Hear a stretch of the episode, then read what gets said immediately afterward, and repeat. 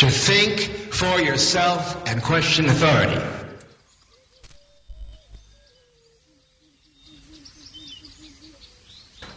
Witam, witam wszystkich serdecznie w Radiu na Fali, w hiperprzestrzeni, retransmitowanej też w Radiu Paranormalium. Witam wszystkich słuchaczy bardzo serdecznie. Ja mam na imię Tomek. A wy oczywiście słuchacie hiperprzestrzeni. Ogóle muszę się rozgadać, a dzisiaj będę bardzo mało gadał, bo dzisiaj e, mam gościa. Za chwilę powiem, kto jest gościem, ale zanim powiem, kto jest gościem, oczywiście pozdrawiam wszystkich mecenasów. Jak zwykle muszę się roz, e, rozstawić troszeczkę. Okay, także pozdrawiam serdecznie wszystkich mecenasów Radia na Fali. Bardzo serdecznie zapraszam do działu mecenasi na stronie www.radionafali.com. Tam są wszyscy wymienieni po imieniu, jak należy. Pisanow, kochani, wielkie dzięki za wsparcie. Zapraszam oczywiście każdego, żeby wspierał Radio na Fali. Jak tylko może, ile tylko sił w płucach. E, no może nie sił w płucach, bo samo krzyczenie to chyba nie za wiele pomoże. Ale jak e, chcecie wspomóc i macie jakiś e, taki pomysł, który jest bardzo podobny do tych pomysłów, które są opisane na podstronie o wspieraniu radia, to zapraszam bardzo serdecznie. Więcej znajdziecie na stronie internetowej. Ja, ja nie będę dzisiaj więcej na ten temat mówił.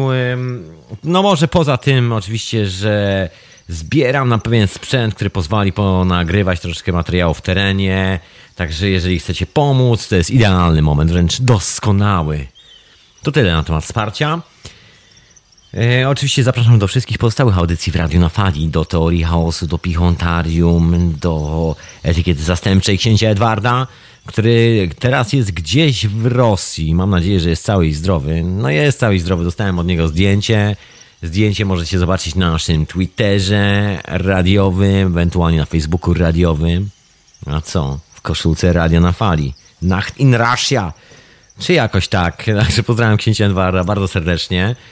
E, niech tam się dobrze trzyma w tej Rosji. Co jeszcze miałem powiedzieć? E, to jak na razie chyba wszystkie ogłoszenia, które miałem tutaj e, rzucić na sam początek tej rozbiegówki do hiperprzestrzeni. A dzisiaj gość w hiperprzestrzeni. Gościem jest Tomek Gruba, organizator, współorganizator, właściwie no, można powiedzieć jakiś Spiritus Moment, konwentu wiedzy alternatywnej i nie tylko. I o tym właśnie nie tylko będzie dzisiaj troszeczkę mowa, bo on niedługo się pojawi w Londynie i będzie robił właśnie to nie tylko też w Londynie. Także trochę więcej dowiemy się w tej audycji i tyle. A zanim oczywiście dzwonimy, zanim oczywiście się połączymy z naszym gościem, to poza tym, że słuchacie hiperprzestrzeni w radiu na fali, a ja mam na imię Tomek, także dzisiaj dwa Tomki. Tak się jakoś złożyło. E, to, to audycja Hiperprzestrzeń jest retransmitowana też w Radiu Paranormalium. Pozdrawiam wszystkich słuchaczy Radia Paranormalium i wszystkich tych, którzy siedzą tam na czacie. Ja tu jednym okiem, jak zwykle, zwyczajem cyklopa będę spoglądał na czat Radia na Fali, także zapraszam Was bardzo serdecznie. Tam będę co jakiś czas rzucam swoim okiem i próbował przeczytać e, jakieś treści. Tyle. Oczywiście Skype do radia to radionafali.com jeżeli będziecie chcieli zadzwonić i zadać jakieś pytanie gościowi dzisiejszej e, audycji. I tyle. Chyba tyle z takich formalnych ogłoszeń. Tak, wyprasowałem koszulę, oczywiście, ogoliłem się, przeczesałem, e, sprawdziłem, czy krawat jest dobrze zawiązany. No, a wysłuchacie oczywiście hiperprzestrzeni w radiu na fali. Ja mam na imię Tomek, oczywiście hiperprzestrzeń jest retransmitowana przez Radio Paranormalium. Pozdrawiam słuchaczy obydwu, obydwu rozgłośni no właśnie, e, Tomek Gruber za chwilę. Ja oczywiście z powodu pewnego zamieszania w życiu zawodowym nie zdążyłem zrobić pewnej rzeczy, bo mam materiały od Tomka Gruby i za chwilę w Radiu na Fali startuje cykl materiałów z Konwentu Wiedzy Alternatywnej z zeszłego roku, z tego roku. Grano nie wszystkich tych materiałów. No oczywiście powodowany natłokiem zajęć związanych z życiem zawodowym nie zdążyłem absolutnie odpalić jeszcze tego działu. Na razie przeglądnąłem te wszystkie materiały. Okazało się, że część tam musimy jeszcze, przepraszam bardzo, jeszcze raz sprawdzić, także no generalnie między innymi o tym też dzisiaj troszkę być może wspomnimy odrobinę, ale tylko odrobinę. To co, to ja się dzwaniam z naszym gościem dzisiejszym, z Tomkiem Grobą, który już za chwilę, za chwilę, już, już, już się dzwaniam.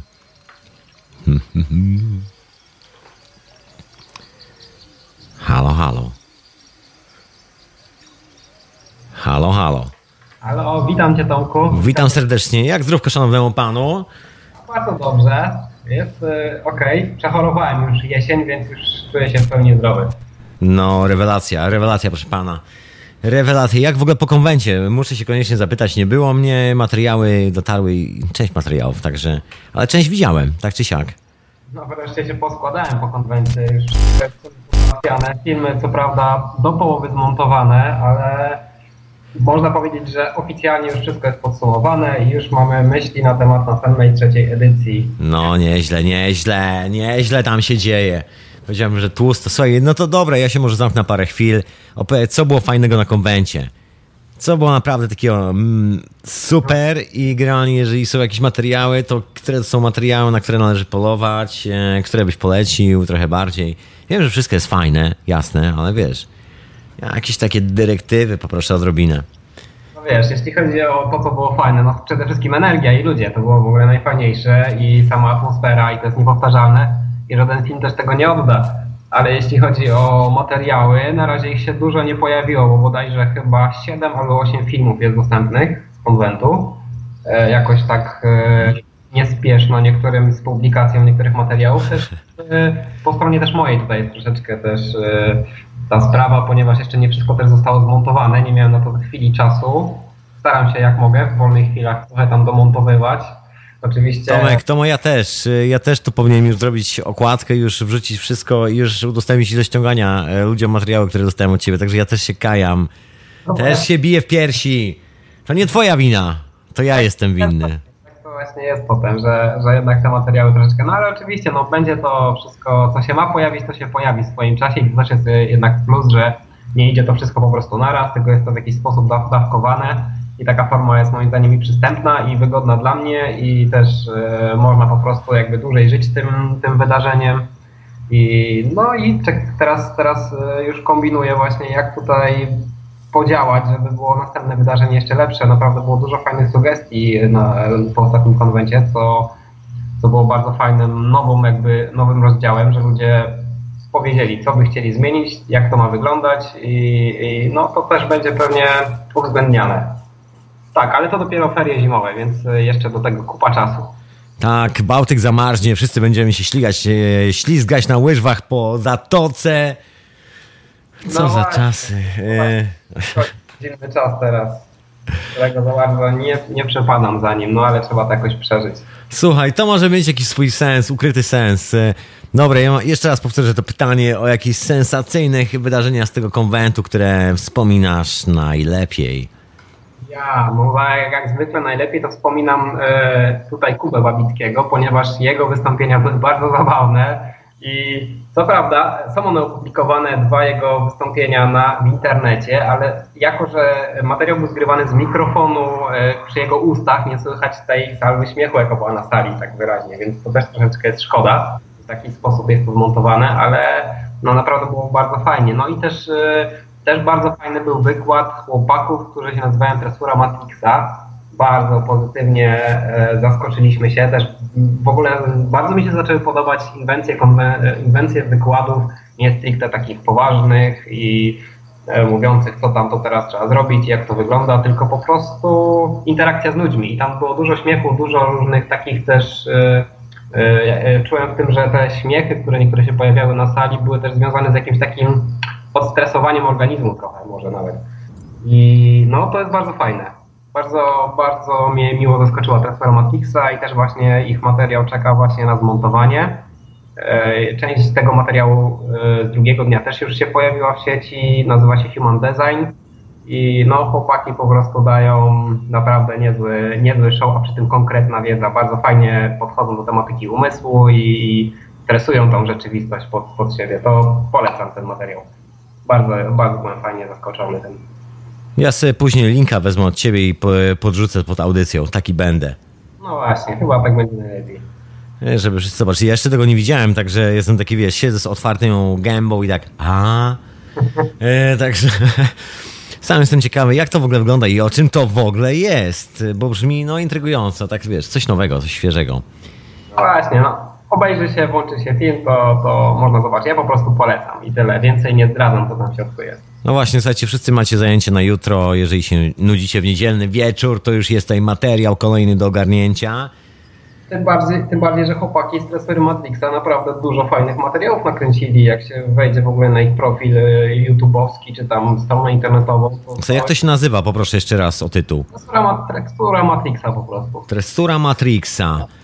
Tak. Aż, słuchaj, aż sam wpiszę. To naprawdę dobrzy tym, co robią. Sobie wpisuję. Sprawdzam na bieżąco. Tresura Matrixa jest. tresuramatrixa.com Sprawdziłem, to działa. Słuchajcie, ten Matrix. Nie, nie jest tylko moja opinia, ale jest to opinia wielu osób, z którymi rozmawiałem po konwencie i wiele osób było bardzo pozytywnie zaskoczonych właśnie tymi osobistościami, więc to było naprawdę odkrycie naszego, naszego, naszej tej edycji. Ja to już wkleiłem na czata, także jeżeli jesteście na czacie, drodzy słuchacze, czacie Radia na Fali, to tam już e, link do Facebooka tych, tych gentlemanów poleciał. Zaraz wam wkleję linka do strony tych gentlemanów. No proszę bardzo. Ciekawe, no to ja po raz pierwszy się z czymś takim spotkałem, także jeszcze nie mam pojęcia, co to w ogóle jest, e, także nic na ten temat więcej nie powiem. To nie było, że reklamujemy jakieś dziwne rzeczy. No ale tak, e, ja osobiście swoim imieniem i polecam ich po prostu. Jak komuś się nie będzie podobać, to po prostu widocznie rzeczy, które ja polecam, następnym razem nie przyjmować jako polecane ode mnie. No toż to, znaczy, że macie zły gust po prostu, powiedzmy to jasno i wyraźnie. Dobrze, żartowałem oczywiście, żartowałem, to tak- taki niesmaczny żart. Eee, Słuchaj, co jeszcze po konwencie? Jakieś refleksje? Tak naciągnę jeszcze troszeczkę na parę słów może o konwencie, zanim przeskoczymy do pytań. Co w ogóle zaś i co na teraz? Na teraz to się zaczęło dużo różnych innych rzeczy wyklarywać, bo tak, bo konwent konwentem to jest jedna sprawa, która zajmuje jakiś tam okres czasu. Oczywiście ta impreza została już zamknięta i to wszystko zostało już jakby przygotowane, e, co miało zostać przygotowane. No i teraz jeszcze jakby przez ten czas między konwentami organizuję po prostu dużo różnych innych wydarzeń i są też plany i są też już e, rozpoczęte różnego rodzaju wątki, na przykład właśnie warsztaty śnienia. Będziemy organizować w Trójmieście warsztat śnienia i w Londynie warsztat śnienia. W Londynie to właśnie mam nadzieję, że się spotkamy w październiku, No mam nadzieję, na to liczę. więc na pewno, na pewno będzie ciekawie. Niech tradycji stanie się zadość. Mamy też, mamy też e, w grudniu plan na, bardzo fajny plan na wyprawę na Gozo, na Maltę. Tam Ula la.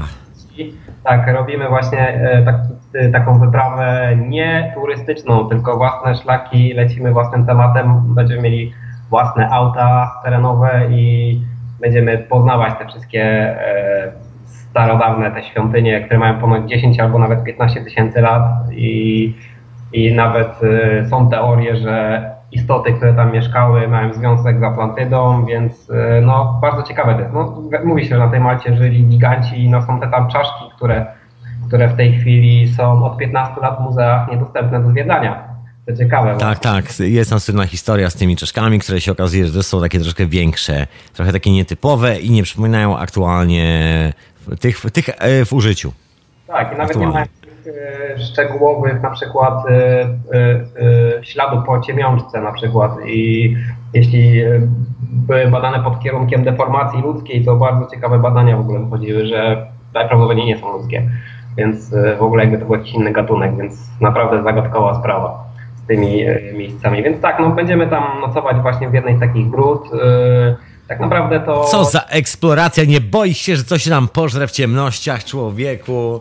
Nie może. Właśnie po to ta wyprawa, żeby było ciekawie. I no, mamy dużo, dużo ambicji mamy odnośnie tej, tej, tej wyprawy i też czujemy, w ogóle, jest, w ogóle ona idzie na dobrej, na dobrej jakiejś takiej energii, bo, więc e, tak jakby trochę sama się ta wyprawa układała. Takie, takie mamy wrażenie. No, proszę bardzo, jakiś syndrom Indiany Jones troszeczkę. Tum, dru, dum, tum. E, takie, wiesz, zywolne skojarzenia oczywiście. Tak, więc, więc, więc Gozo jest w grudniu. No w międzyczasie są jeszcze wykłady i warsztaty różnego rodzaju inne. Słuchaj, na wszelki wypadek ci powiem, cokolwiek byś tam e, zrobił na tej gozo, to pamiętaj, e, żeby nie patrzeć się na skrzynię. Musisz się odwrócić i patrzeć w drugą stronę. E, dobrze, zapamiętam. Tak słyszałem o Arce, e, że jak znajdziecie jakby coś, wiesz, No, na wszelki wypadek. Zbliża Izraela w tej chwili, więc mam nadzieję, że chyba jej nie spotkam. Ja sobie tak żartuję, bo to też takie miejsce, wiesz, na które idzie związane z e, tajemnymi stowarzyszeniami. Tak, tak, tak, właśnie. Bardzo, bardzo intensywnie. No proszę bardzo, no nie wiem, e, mam nadzieję, że nie znikniesz w jakichś dziwnych okolicznościach, e, kąpiąc się gdzieś tam przez przypadek. Nie, nie, no nie jeszcze jest właśnie plan jednak tutaj działania na ten cały czas, cały rok 2015, więc e, chcemy zrobić dwa konwenty w 2015 roku, chcemy zrobić e, jakieś właśnie konferencje. Okej, okay, okay, poczekaj, tu cię zatrzymam chwileczkę, poczekaj, bo ja tak sobie zażartowałem okrutnie z Gozo, że od razu jakieś wielkie tajemnice zapłacisz cenę życia za tą iluminację. Nie, żartowałem oczywiście. E, Słuchaj, jakie są takie całkiem serio plany na Gozo? Bo tak, jedziecie robić taką eksplorację, ale jedziecie jakimś takim, no nie wiem, większym zestawem. No to jest, e, to jest w ogóle, to się nazywa w ogóle Gozo się nazywa Wyspą Snów, więc będziemy na pewno ten aspekt tam e, też brali pod uwagę. No idzie z nami też Kuba Babicki. A proszę e, bardzo. Będzie naszym zapleczem. Będzie też Dorota Zięba-Miłek, e, bardzo też ciekawa osoba w świecie psychologii, terapii, na przykład hipnozy, regresingu, regresyjnej różnego rodzaju, więc e, powiem tak, że ekipa jest w tej chwili około 16 osób i naprawdę to są ciekawe osoby, więc e, no naprawdę będzie się działo tam. Będą różnego rodzaju warsztaty prowadzone. Ja teraz jeszcze nie będę opowiadać tak stricte co dokładnie. Jakby ktoś był zainteresowany, to w ogóle odsyłam po prostu na stronę i, i tam można po prostu przejrzeć cały materiał, jak to w ogóle wygląda. E, no jest tego, jest tego dużo. Jest tym trochę też magii, e, bo w ogóle ta wyspa jest taka, nie, nie była dostępna ludziom, można powiedzieć, nie była znana ludziom i teraz w tym czasie dopiero ona jakby od niedawna jest jakimś takim miejscem, gdzie to wszystko się tam działo. Malta była już bardziej znana, ale Kozo było, było, było tak jakby mniej uczęszczane w tym, w tym miejscu, więc, więc tam są jeszcze te takie ślady, ta energia tam jest taka bardziej pierwotna. Więc to takie też ciekawe. To też jest, e, jeśli chodzi o te meridiany e, energetyczne Ziemi, to też mhm. punktów właśnie, tak jak piramidy na przykład, Stonehenge, to też się przecina właśnie na Gozo, e, właśnie takie, takie przecięcie, więc... O, proszę bardzo, proszę bardzo. Właśnie, a naj, naj, i będziesz, będziesz w ogóle coś nagrywał z tego, tak się z ciekawości zapytam, czy to będzie rejestrowane, czy to w ogóle będzie, wiesz, tak tylko i wyłącznie do wewnętrznego użytku? Możemy zrobić e, relacje na przykład e, na radio na fali, jakby się udało, ale też pewne kamerę ze sobą. Więc... No ja jestem za, jestem absolutnie za. Słuchajcie, czy wy słyszeliście? Relacja z Gozo. Ten człowiek proponuje relację z Gozo. Na żywo. Na żywo. Zgadania. Y, wchodzę w to, wchodzę w to. Saj, dokładnie. Tak, jak będziemy w grocie zjadani przez potwora w tym momencie. Otóż to, także będzie, nareszcie będzie taki element ekscytacji w Radiu na Fej, taki element sensacyjności. Rozumiesz? Tak. Nareszcie się uda y, wykorzystać ten element suspensu pewnego dnia.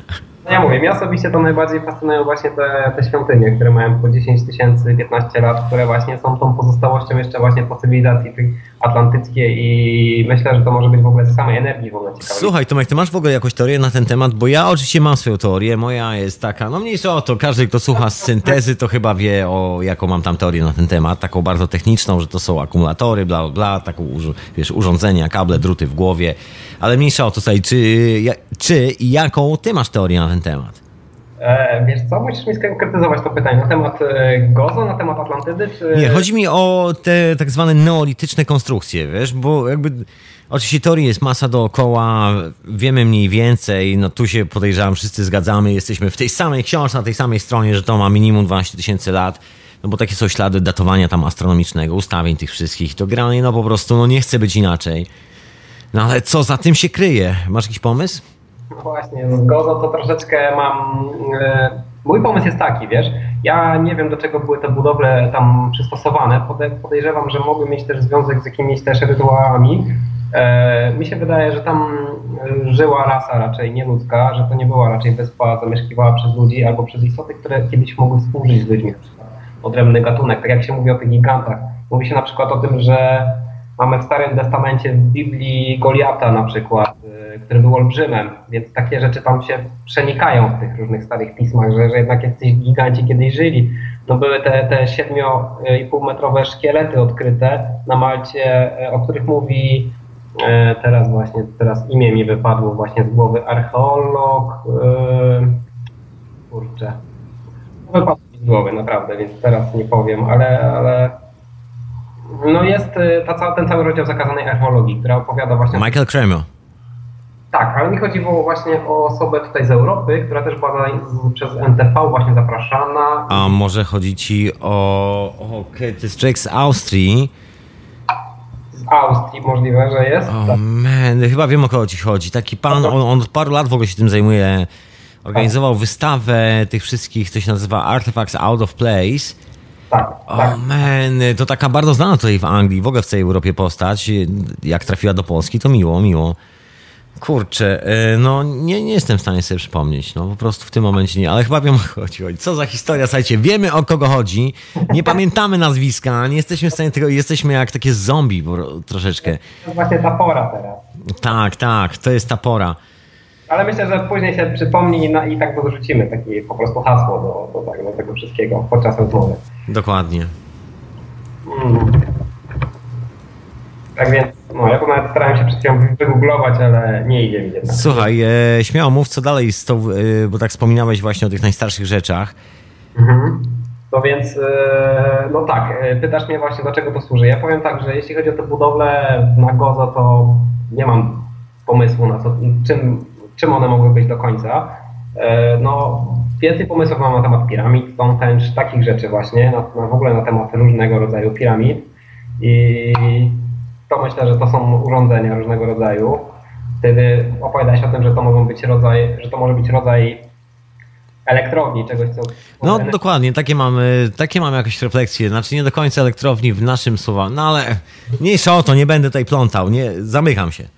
Uważam, że też może być to jakieś urządzenie komunikacyjne też. E, to, te, to, też, słuchaj, bo to się mieści jakby w tym całym planie, jakby to jest, e, działa na wielu płaszczyznach, ale generalnie no przynosi po prostu, przynosi wiele rzeczy. No właśnie, więc te piramidy to jest no, ciekawa rzecz i ten cały w ogóle rozdział zakazanej archeologii to jest w ogóle bardzo ciekawa okay. rzecz. Okej, mam nazwisko tego człowieka, Klaus Dona. Klaus Dona, właśnie. I super, właśnie. Więc mamy ten temat zakończony, dopowiedziany. Dokładnie, no ciekawa rzecz, bo Klaus Dona robi, wiesz, od paru lat takie bardzo poważne badania. Tak. Od, od, y, on jest znany już w Polsce na szczęście. Chyba została nawet przetłumaczona jego książka na język polski. Chyba stąd się w ogóle wszystko zaczęło bo on zaczynał od wystaw właśnie takich, gdzie bardzo dziwne rzeczy pokazywał. Tak, tak. I on sugerował właśnie to, że według jego zbiorów e, kiedyś na Ziemi musiała istnieć cywilizacja globalna.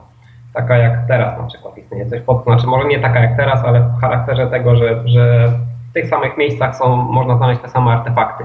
E, nie chodzi tylko o piramidy, ale o mhm drobnostki, które zostały znalezione i uznane jako zakazana archeologia. No tak samo jak Graham Hancock zresztą, dokładnie ta sama koncepcja, Robert Bawal, e, no kilku, kilku ludzi związanych jakby z tym pomysłem.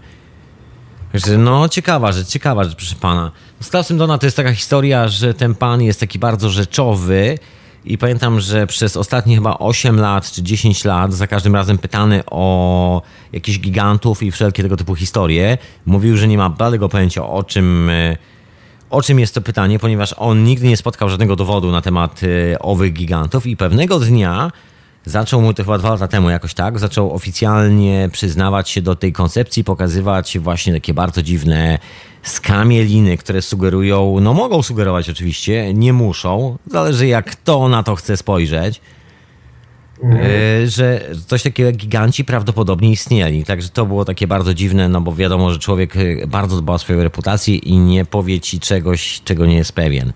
Żeby nie, nie spalić sobie przyszłości, jak to się elegancko mówi, kariery.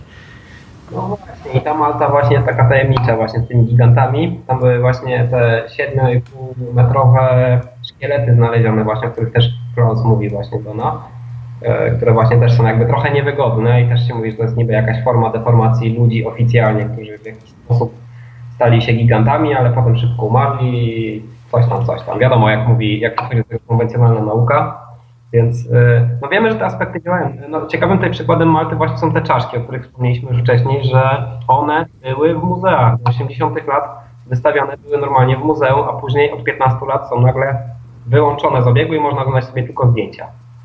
Ale wszyscy wiedzą, że one są i kiedyś były do, do oficjalnej wystawy i nawet były dwa razy przebadane przez badaczy, którzy też chcieli to sprawdzić pod kątem deformacji ciała.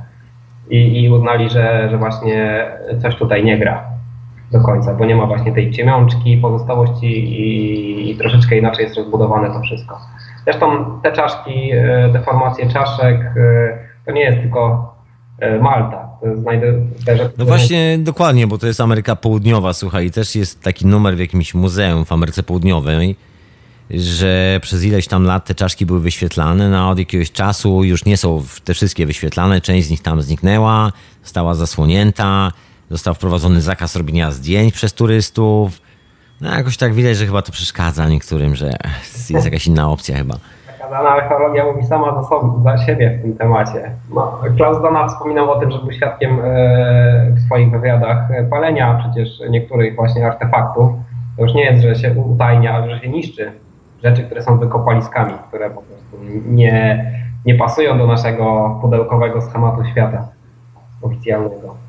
No więc e, mamy tutaj czemu omawiałem, to jest kolejny można powiedzieć rozdział, ile już, ile już e, rzeczy było wypowiedzianych w tym radiu od różnych osób, że jednak ten świat jest troszeczkę e, troszeczkę kłamstwa jest w tym świecie i wiemy, że, że... No nie wiem, czy nawet trochę, jest chyba go nawet trochę więcej czasami, tak mi się wydaje. Więc, więc zakazana archeologia to jeszcze pokazuje od innej strony, że tak i nasza przeszłość też nie jest taka, jak się nam mówi. No przecież wiemy, że w podręcznikach historii uczy się nas, że no wszystko zaczęło się od chrztu Polski. Wcześniej byli jacyś tam poganie, Słowianie, nie wiadomo w zasadzie co oni robili, a potem dopiero zaczęła się historia. Więc y, no też ciekawe właśnie wielu osób, wiele osób na przykład wspomina, zauważa, że słowo z angielskiego historia znaczy czyjaś, czyjaś historia, history. Więc e, to też się mówi o tym, że historię piszą ci, co podbijają, ci, co zwyciężają, więc... Słynna gadka Napoleona, że historię piszą zwycięzcy, Właśnie, a więc, nie przegrani. Więc ktoś tutaj zwyciężył i nie mamy obiektywnej historii na temat świata. Zresztą no wiemy, jak się mówi na temat tych piramid, w jaki sposób je zbudowano oficjalnie. No i sami nie wiedzą, jak je zbudowali oficjalnej... To prawda więc no ja myślę, że też ten temat piramid to tutaj wielokrotnie mieliśmy omawiany i wiemy, że, że jest tutaj coś nie tak, ten, ten świat jest i to jest dla mnie w ogóle niezwykłe, ponieważ e, widzimy, że, że w ogóle gdzie nie spojrzymy, to jest tajemnica. Gdzie nie spojrzymy w tym naszym złudnym świecie, który jest niby uporządkowany, to jak pogrzebiemy, podrapiemy głębiej, to się okazuje, że jest dużo niesamowitych rzeczy, pod powierzchnią, które można odkryć i odkryć to, kim my jesteśmy, jak niezwykły jest ten świat, w ogóle jak, jak niezwykła była nasza historia, jakie rzeczy są ukryte między nami, więc e, no, to jest dla mnie niesamowite. No jest coś takiego. Ja też mam taką swoją koncepcję związaną z tą sprawą, ale dzisiaj jak zwykle zamknę się bo ty jesteś gościem grany, ty masz to dzisiaj mówić. Ja o tej swojej koncepcji nie będę mówił. Ostatnio niej właśnie wspomniałem w audycji Synteza, do której wszystkich zapraszam przy okazji, jeżeli chcą sobie postawić trochę więcej, gdzie właśnie czasami mówię o takich różnych koncepcjach związanych właśnie z energią. Ale to, e, to tam zapraszam do tego.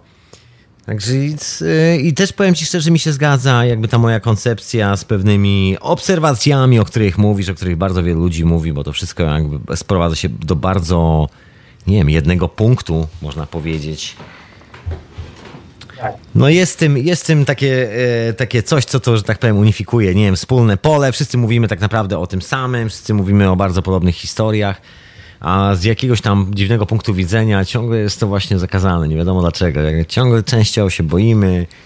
Jak, jak wchodzimy w taki, taki temat, to ja czasem mam takie wrażenie, że czasem rozmawiamy o warstwach tematu, że z jednej strony możemy opowiadać, e, nie wiem, co tam się w tym świecie działo, kiedy, jak to w ogóle wyglądało. Z drugiej strony na przykład doświadczenia z enteogenami na przykład pokazują to, że jest jakaś warstwa umysłu na to nałożona i że jak, i że jak wchodzimy głębiej w siebie, to ja bym to nazwał, że są warstwy prawdy, że ta, ta nasza rzeczywistość fizyczna ma jakby swoją prawdę i, i później jeszcze jest e, taka, nie wiem, głębsza prawda nas, w naszym umyśle, jakby to wszystko było przefiltrowane jeszcze przez umysł i czasem jak tak rozmawiamy sobie o różnych tematach, to tak wrażenie, że właśnie dryfujemy pomiędzy różnymi jakby poziomami e, patrzenia na tą, na tą rzecz.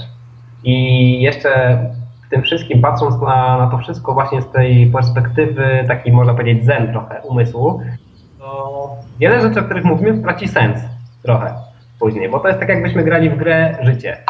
I no to jest ciekawe. to jest po prostu ciekawe. No jest to intrygujące, jest to intrygujące.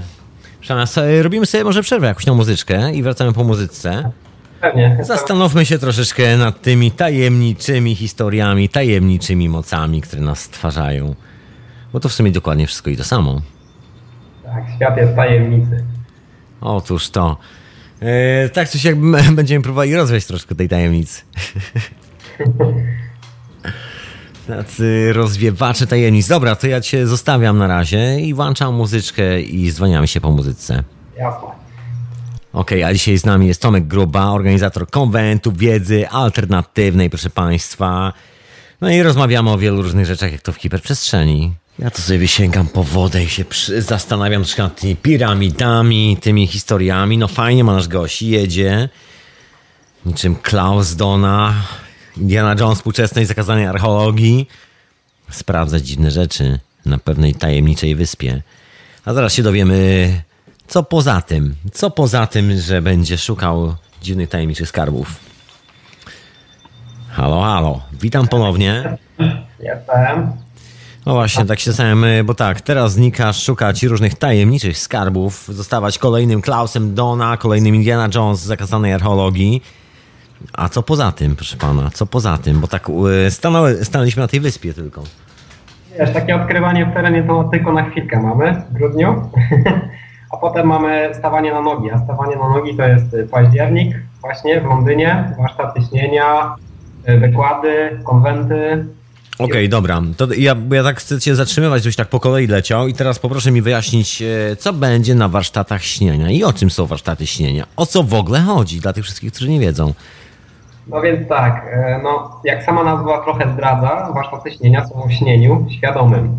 E, więc przez te dwa dni, które będą na warsztacie, postaramy się przekazać wiedzę i techniki umożliwiające odzyskiwanie świadomości podczas snu ale tak naprawdę te sny, to znaczy te warsztaty trwają miesiąc czasu, a nie, a nie dwa dni, ponieważ e, później po warsztatach jeszcze przez miesiąc będziemy wspólnie online przez specjalny komunikator e, warsztatowy się razem jako grupa wsparcia wspierać w, w osiąganiu tego. Mamy specjalny program napisany do, do, e, do uzyskiwania, do tworzenia różnych technik. Oczywiście nie ma jednej techniki, tylko jest wiele technik, dla każdego coś innego i mhm w ogóle śnienie jest pierwszą, pierwszą jakby taką bazą startową w ogóle do tamtej przestrzeni. Można to nazwać astralem.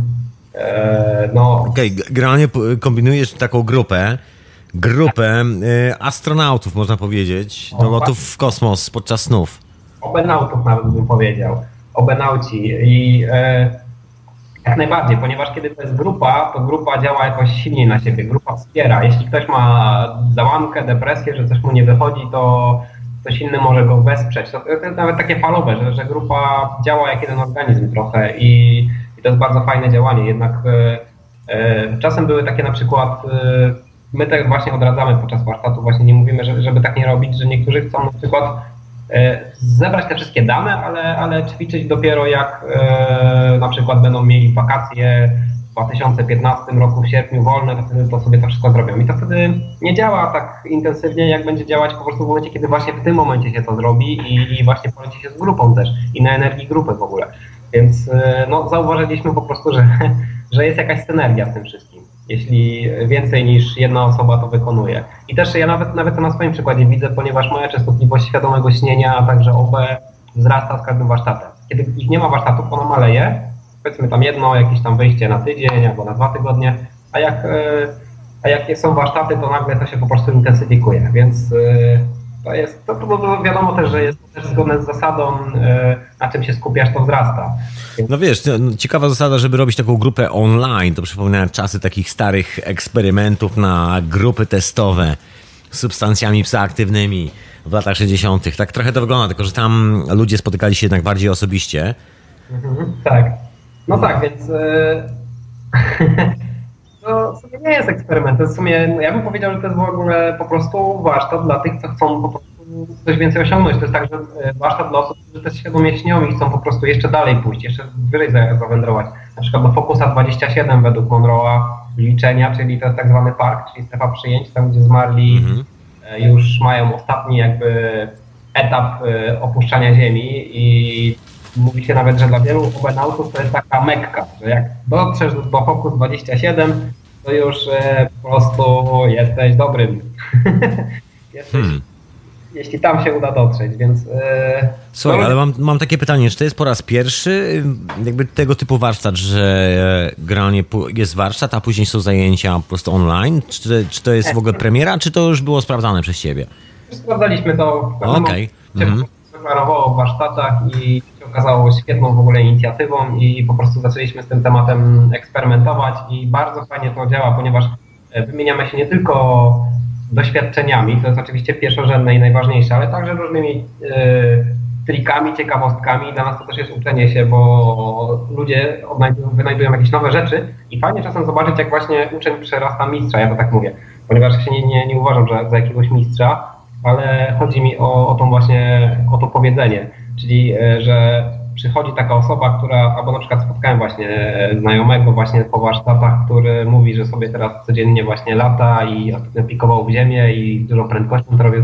Ja tak myślę, no ładnie, szalejesz chłopie, więc to, to jest bardzo miło w ogóle to słyszeć. I też e, widzę, że, też, że, że można ludzi też zaprogramować źle albo dobrze, mówiąc o różnego rodzaju e, właśnie technikach związanych z, z tutaj wychodzeniem z ciała na przykład albo ze świadomym śnieniem, ponieważ jeśli ja na przykład zacznę mówić, e, że na przykład można wyjść z ciała tylko w piątek, kiedy jest zachód słońca i nie wiem, trzeba być obróconym się na, na południe, to wszystko jest nieprawda, tak naprawdę.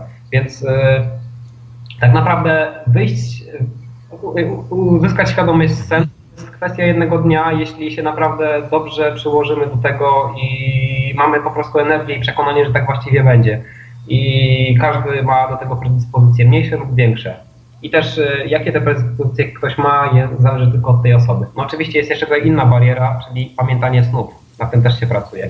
To jest inna, inna w ogóle sfera, to jest w ogóle początek, więc najpierw w ogóle zaczynamy od tego, żeby odblokować. I właśnie po to też jest komunikator online, ponieważ niektórzy ludzie mają problemy ze śnieniem i czasem potrzebny jest tydzień czasu, pierwszy tydzień, żeby w ogóle ludzi rozgrzać yy, do tego, żeby pamiętali swoje sny, żeby po prostu mieli te swoje blokady. Okay. Mhm. No, no i też, też praca z koszmarami, to też jest bardzo ważne, żeby ludzie się nie bali swoich snów, bo ludzie mają różne rzeczy też podgrywane do świadomości, pointegrować i też są sposoby na to, żeby sobie radzić z takimi rzeczami.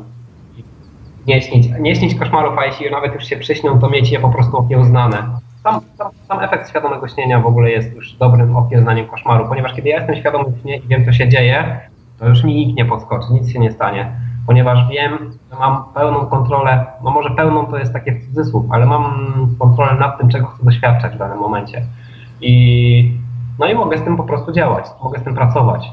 A reguła przeważnie jest taka, że jeśli ja zaczynam na przykład uciekać i czegoś się panicznie boję, to nie ma próżni, ktoś mnie musi zacząć gonić i, i tutaj najlepszym w ogóle rozwiązaniem takiej sytuacji jest w ogóle totalna zmiana swojej energii, czyli na przykład odwrócenie się do tej osoby i jej przytulenie, tego co mnie goniło a ta osoba powie, a ja cię goniłam, ponieważ, e, nie wiem, e, wydałeś mi się jakiś miły, albo coś tam chciałam ci powiedzieć.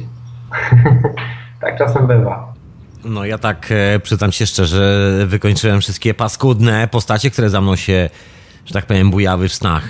I bardzo dobrze, i bardzo dobrze. Chociaż ostatnio powiem Ci, że też rozmawiałem właśnie, e, też tak właśnie online z osobami, które mają teraz taki problem, znaczy może nie problem, no taki, taki temat po prostu się nawijał na rzeczy, czyli istoty, które próbują obudzić cię albo nie, uniemożliwiają świadome śnienie. I tak się tak rozgryzamy ten temat, czym to właściwie jest. Bo czasem się pojawiają, ja też znam ze swoich właśnie e, eksploracji, że czasem pojawia mi się jakaś istota, która albo mnie weźmie za habety do tyłu, do łóżka i ja nagle jestem w ciele i budzę się i kurczę, tyle ze snu się stało, albo zniechęca mnie, albo rozkojarza. I no takie są teorie, że najprawdopodobniej to jest w ogóle że te istoty są rodzajem mechanizmu w ogóle jakiegoś, który zabezpiecza w ogóle przed y, eksploracją jakby. I no temat jest po prostu ciekawy, czym to właściwie jest. I też y, można się przed tym bronić w różne sposoby. Y, ja zauważyłem, że w ogóle im bliżej jest się ciała w ogóle fizycznego, bo teraz, teraz ja tak tutaj przeskakuję trochę obę e, świadomy sen, więc może też tak trochę powiem, że świadomy sen tutaj to jest po prostu to, że odzyskaliśmy świadomość w śnie i i mamy tą, e, ten poziom naszej świadomości taki trochę jakby ze snu. Nie, nie jest ta nasza logika do końca wybudzona, a przy OBE, przy OBE używamy techniki jakby prześlizgnięcia się ze świadomością dnia do, do, do świata właśnie do astrala albo do tej przestrzeni, jeśli się uda, dostroić się z biologicznym. Więc jest to trochę trudniejsze, ale to, to też może złe słowo, rzeczy trudniejsze. Ale jest to jakby, umożliwia to bardziej świadome podróżowanie i też doświadczanie bardziej e, złożonych, skomplikowanych, wyżej wibrującej przestrzeni mhm. rodzaju. Więc e, dla mnie OB w ogóle jest e, bez porównania, jeśli chodzi o niż świadomy sen. Ponieważ nawet jeśli odzyskam świadomość w śnie, to nie, ja nie jestem w stanie uzyskać OB. Nigdy mi się to nie udało, żeby obudzić w świadomym śnie tak mocno moją świadomość, żeby uzyskać OB. A jeśli na przykład wchodzę z poziomu paraliżu sennego, czyli jestem, e, zasypiam, paraliżuję swoje ciało i wychodzę z ciała, to w tym momencie zupełnie inaczej to wszystko wygląda. I wtedy mogę doświadczać właśnie tych wysokich e, różnego rodzaju przestrzeni. Jeśli oczywiście tego będę chciał, jeśli energia na to pozwoli. Potem też jest mm, ta kwestia właśnie związana z energetyką i tym właśnie w jaki sposób traktujemy swoje ciało, więc tutaj też uwaga, że jak e, źle traktujemy w dzień nasze ciało, to w nocy nasze sny też są takie troszeczkę spłycone i, i krążymy po tym ospóło tylko i, i nawet możemy ich nie pamiętać, ponieważ dlatego też przestrzegam. Jedzenie hamburgerów, jedzenie w nocy, niezdrowe odżywianie ma wpływ na sny i to bardzo duży. No to raczej taka znana prawda, że jak ktoś e, cienko żyje, to troszkę go straszy w snach. Tak, dosyć częste. To nawet wszystkie bajki o tym mówią, że ktoś, kto jest zły, ma zawsze kto, jakieś zło, którego w snach odwiedza i później pojawia się jakaś wróżka, która mówi, musisz to zmienić, bla, bla.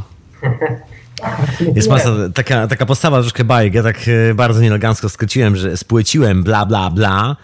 No ale to jest taka podstawa bardzo wielu bajek, takiego, no, takiego troszkę starożytnej percepcji rzeczywistości no, nauka tego nie lubi w dzisiejszych czasach. To, to już rozmawialiśmy kiedyś, strasznie zjechaliśmy tą naukę.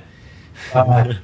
Też może, też może trochę za bardzo, bo też wiadomo, że w skrajności w skrajność to nie jest nic dobrego. Nauka ma swoje dobre strony i oczywiście ta metodyka naukowa. Ale ja też chciałem tutaj jeszcze tak napomnieć o tym, o tym śnie, że w ogóle dla mnie, e, co jest w ogóle celowością e, uzyskiwania świadomych snów. I tak sobie też o tym, tak to sobie rozkminiałem, doszedłem do wniosku, że e, my budzimy nasze ciało astralne w ogóle, że my budzimy po prostu jakieś kolejne ciało i że ono nie jest do końca aktywne jakby w naszych snach, ponieważ też nie uczyliśmy się tego w naszej cywilizacji w ogóle, jak śnić świadomie, jak w ogóle odwiedzać te inne rzeczywistości, w ogóle podróżować poza tą rzeczywistość. I wydaje mi się, że to nawet jest naszą jakąś taką powinnością, żebyśmy nauczyli się w ogóle tamtej rzeczywistości doświadczać w jakiś taki skonkretyzowany sposób, a nie jakoś mętnie, po pijanemu, jakby, ja to tak mówię, nie wiadomo właściwie o co chodzi. I nawet miałem taki kiedyś świadomy sen, kiedy spotkałem się z przewodnikiem i mówiłem, że bardzo fajnie jest świadomie śnić, że to jest bardzo fajna rzecz. I on do mnie mówił właśnie, miałem taki cały dialog przeprowadzony, do mnie mówił taki jakiś sposób, jakby mówił w ogóle do wszystkich ludzi, ale do mnie. Ale taki cały czas y, my, wy, wy, ziemianie, coś takiego. I, i właśnie powiedział, dlaczego wy się tego, szkoda, że nie nauczyliście się tego wcześniej. Bo ja mówię, że fajnie jest w ogóle świadomie śnić i to takie to było właśnie przykre, że nie umiemy tego robić właśnie. I oni się nie mogą jakby komunikować z nami przez to, że jest to dla nich utrudnione, że my się musimy jakby bardziej dostroić, żeby też te informacje do nas lepiej spływały. I no chociaż z drugiej strony to też się dzieje tutaj, bo wiadomo, że mamy tutaj też różnego rodzaju y, wibracyjne zakłócenia różnego rodzaju i sposób nasz życia, programowania, a także warunków, w jakich żyjemy, utrudnia wiele rzeczy. Ale, ale świadomość nie jest dostępna, więc ja uważam, że świadomość nie jest pierwszym krokiem w ogóle do, do, do kontaktu w ogóle ze sferą ducha, a też na przykład Indianie mówią o tym, że największym problemem naszej tutaj e, cywilizacji zachodu jest to, że właśnie zatraciliśmy kontakt ze światem ducha. I to też jest właśnie związane z ayahuaską na przykład żeby odzyskiwać ten... No jest to prawda, to jest taki częsty, często słyszany zarzut pod względem tak zwanych białych ludzi z Ameryki Północnej, z Ameryki Południowej, z Azji, z wielu miejsc, że biały człowiek oszalał i że niszczy, tak. niszczy mamy naturę. Tak, jeszcze niszczy i, wszyscy, i ten domek cały spadnie na nas wszystkich w końcu. I na nich, i na nas. Musimy w końcu się zatrzymać tym wszystkim. Odnaleźć tego ducha z powrotem, skomunikować się z nim. Tak więc jest to jedna z wielu ścieżek. Oczywiście jest ścieżka medytacji, jest na przykład Bruce Moen nie bardzo bardzo wielki szacun dla tego człowieka. Czuję, że on potrafi wychodzić z ciała z pozycji medytacji. Dla mnie to jest niesamowite. Siedzi 4 godziny bez ruchu i wychodzi z ciała. Ciało paraliżuje się. E, no niesamowite to jest. Po Wiesz co, strasznie to przypomina e, umiejętność e, jakby zarządzania swoim umysłem do tego stopnia, żeby tam się pojawiało DMT gdzieś w środku głowy. Które, jest, e, które e, no może jakby nie tyle jest powodem, bo to by było takie, wiesz, biochemiczny robot, a to nie o to chodzi, tylko też jest jakby świadectwem e, przechodzenia do troszeczkę innego wymiaru, no bo, bo to jest świadectwo po prostu tego. Jeden z, jedno z, jedna z tych sytuacji, która występuje, kiedy przenosimy się pomiędzy wymiarami, to nasze ciało tak reaguje, jakby odbiera to w ten sposób, kiedy my znikamy na parę chwil, nie wiadomo gdzie, nie wiadomo jak. Fazujemy się do czegoś zupełnie innego i ten, ten świat, który jest po drugiej stronie jest tak niesamowity w ogóle. Mnie już e, on zaciekawił za czasów jeszcze czytania Monroe'a, to było dawno temu, ale po prostu e, no te książki bardzo dużo... Poczekaj, okej, okay, bo ja jestem troszkę jakiś zieleniak w tym temacie. Kim jest Monroe? Kim jest Mr. Monroe? No, bo tak wiesz, mówimy o książkach Monroe, a ja naprawdę nic nie wiem na ten temat. To, to jest naprawdę świetna książka. To jest naprawdę świetna trylogia. To jest książka, która została napisana w 60 latach, 60 e, do 90, bo trzy książki napisał w końcu. I e, on był takim prekursorem, można powiedzieć, e, świadomych snów w zachodzie, ponieważ zaczęło mu się to spontanicznie przytrafiać, a później naprawdę miał niezłe rezultaty w tym wszystkim. I on zaczął od razu odobrać miał tam świadomych snów, obaj leciał od razu. Miał jakąś taką dziwną zdolność, że e, kiedy szedł spać, to od razu go paraliż łapał i wyskakiwał z ciała i bał się, że umiera i chodził po lekarzach i nie wiedział o co chodzi, bo nikt na zachodzie nie wiedział, co właściwie jest. Więc... Nie, skojarzyłem faceta, który przychodzi, panie doktorze, mam problem, że kiedy kładę się spać, po prostu umieram, mam tego dosyć. Tak, lekarz mu zaradził e, wypoczynku więcej, żeby odpoczywał, żeby nie pracował. No, to mi się podoba. No, więc y, no, najbardziej się przeraził w momencie, kiedy zawisł nad y, sufitem w pewnym momencie i zobaczył, że koło jego żony jakiś dziwny facet leży. To więc, ja. Tak, no więc y, no faktycznie to może być przerażające. Ja z własnego doświadczenia wiem, że może to być przerażające dla osoby, która nie ma informacji. Ja też nie miałem tych wszystkich informacji i to mi się zdarzało czasami, więc y, wiem, że na przykład dużo wyjść różnych spaliłem, ponieważ miałem różne pomysły na to, jak to by właściwie miało wyjść. Mam ten paraliż, jestem w tym paraliżu i sobie myślę, a może to nie jest dobry moment na wyjście, a tak sobie pomyślałem, a może moja ręka źle teraz leży i, i dobra, wyjdę z tego stanu i później znowu wejdę i wtedy będzie wszystko ok. I oczywiście jak, jak, jak y, siłą woli kończyłem ten stan paraliżu, to później już się nic nie działo. To już później była normalna noc i tylko takie trochę podzirytowanie, że znowu zmarnowałem tą sytuację. Więc Okej, okay, poczekaj, bo zmarnowane sytuacje normalna rzecz, żeby coś zrobić dobrze, czasami trzeba zepsuć po tysiąc razy po drodze. Tak. Yy, a teraz tutaj mam takie pytanko do ciebie o, o takie najbardziej wyrywające z butów e, wrażenie jakby wyjścia z ciała dla, dla ciebie, jakby na przykład, ale takie, które miało jakąś mocną korelację z rzeczywistością. Tu jest taka jedna postać, e, która Wysyła sny do Radia na Fali. Ja pozdrawiam serdecznie Jubego, jak słucha. Dostałem maila, dostałem wieści, poczekaj chwilę, to ci odpiszę człowieku, bo muszę znaleźć czas. Ale pozdrawiam bardzo serdecznie. I y, Juby stosuje wszystkie te techniki i generalnie to nagrywa, to wszystko jest na wieczorowej porze. Taki wiesz, po prostu człowiek bierze dyktafon i nagrywa swój albo obę, albo swój ostatni sen i tak dalej. I, i, tam, I tam miał właśnie taką historię. To było, zdaje się, chyba dwa tygodnie temu w Radiu na Fali sen, znaczy takie obę, kiedy leciał samolotem i dowiedział się, jak na imię miał pilot tego samolotu e, wcześniej i tak dalej, i tak dalej, bo sobie poszedł sprawdzić, zobaczyć plakietkę, jaką ma pilot przypiętą do swojego umundurowania w kokpicie dla pilotów, pomimo, że sam siedział tam, gdzie siedzą pasażerowie. Także czy ty sobie opowiedz o swoim takim, e, jeżeli masz takie oczywiście wyrywające z butów doświadczenie? co, ja Co, tak... to przekona wszystkich tutaj, nagle wszyscy rzucą się do trenowania świadomego snu, gwarantuję ci. Dobra, no może nie do końca, ale wiesz. Ja ci powiem to tak, ja może powiem tak, krótkie dwie rzeczy i jedną dłuższą. Jeśli chodzi o testy rzeczywistości i zgodności z światem fizycznym, to, to oczywiście mam swoje dowody różnego rodzaju. I na przykład takim jednym dowodem jest na przykład to, że na przykład w środku nocy chodziłem sobie po pokoju i zobaczyłem, która jest godzina na zegarze, po czym się obudziłem. Zegara nie widziałem w ogóle z tej perspektywy, z której śpię, ponieważ w ogóle gdzieś z boku pokoju był. I spojrzałem na godzinę i były dwie minuty później od tego, co widziałem właściwie na tym zegarze. Albo na przykład taka sytuacja, kiedy wyciągam ręce, kiedy jestem w paraliżu i wyciągam ręce i sprawdzam, co jest na półce na przykład. I co jest z tyłu za półką jeszcze i jeszcze dłużej, dalej jeszcze mogę je wyciągnąć i wtedy sprawdzam rzeczywistością, jak to właściwie wyglądało. No ale jeśli chodzi już o takie bardziej wow dla mnie, mhm. to były już takie kompleksowe sny i, i, miałem taki właśnie, no teraz nachodzi mi na myśl taki sen, który to chyba już kilka lat temu miał miejsce, ale zrobił na mnie potworne wrażenie. I e, to był taki sen, w którym najpierw to, najpierw ja mówię sen, ponieważ najpierw miałem sen, e, w którym śniły mi się świnki jakieś, które tańczyły sobie gdzieś tam e, na jakimś mieszkaniu, takie jakieś czerwone były, takie dziwne, taka pycha to wszystko była taka, Taki jakiś niefajny ten sen był i ja miałem w tym świadomość i tak sobie myślę, jestem świadomy w tym śnie i takie coś dziwnego mi się śni, to ja nie chcę już śnić świadomie, to, to wycofuję się, obudziłem się i sobie myślałem, jeśli tak mają wyglądać moje w ogóle świadome sny i wyjścia, to ja sobie dziękuję w ogóle z nimi. No i w tym momencie położyłem się i złapał mnie paraliż i miałem świadome wyjście i znowu się obudziłem w paraliżu, więc się zacząłem turlać, wyturlałem się z dużą prędkością. Jeszcze w tym czasie mieszkałem w wieżowcu, więc jak się wyturlałem, to przeleciałem kilka pięter w ogóle i obu- znalazłem się w ogóle w jakimś, w jakimś mieszkaniu, nie wiadomo gdzie. No i właśnie tutaj jest fragment, części snu nie pamiętam, bo później jestem na balkonie. Nie pamiętam, ponieważ to wszystko trwało tak długo, że, yy, że nie byłem w stanie zapamiętać po prostu całej jakby scenerii. Ja też miałem coś takiego przed samym końcem tego zdarzenia, że zacząłem sobie to wszystko jeszcze zapamiętywać przed, przed zakończeniem e, jakby przestrzeni tam. No i, i, i wtedy sytuacja wygląda tak, że po prostu jestem na balkonie i sobie robię fikułki do tyłu między balkonami, bo wiem gdzie jestem i wiem, że to jest możliwe i że to jest fajna zabawa tutaj.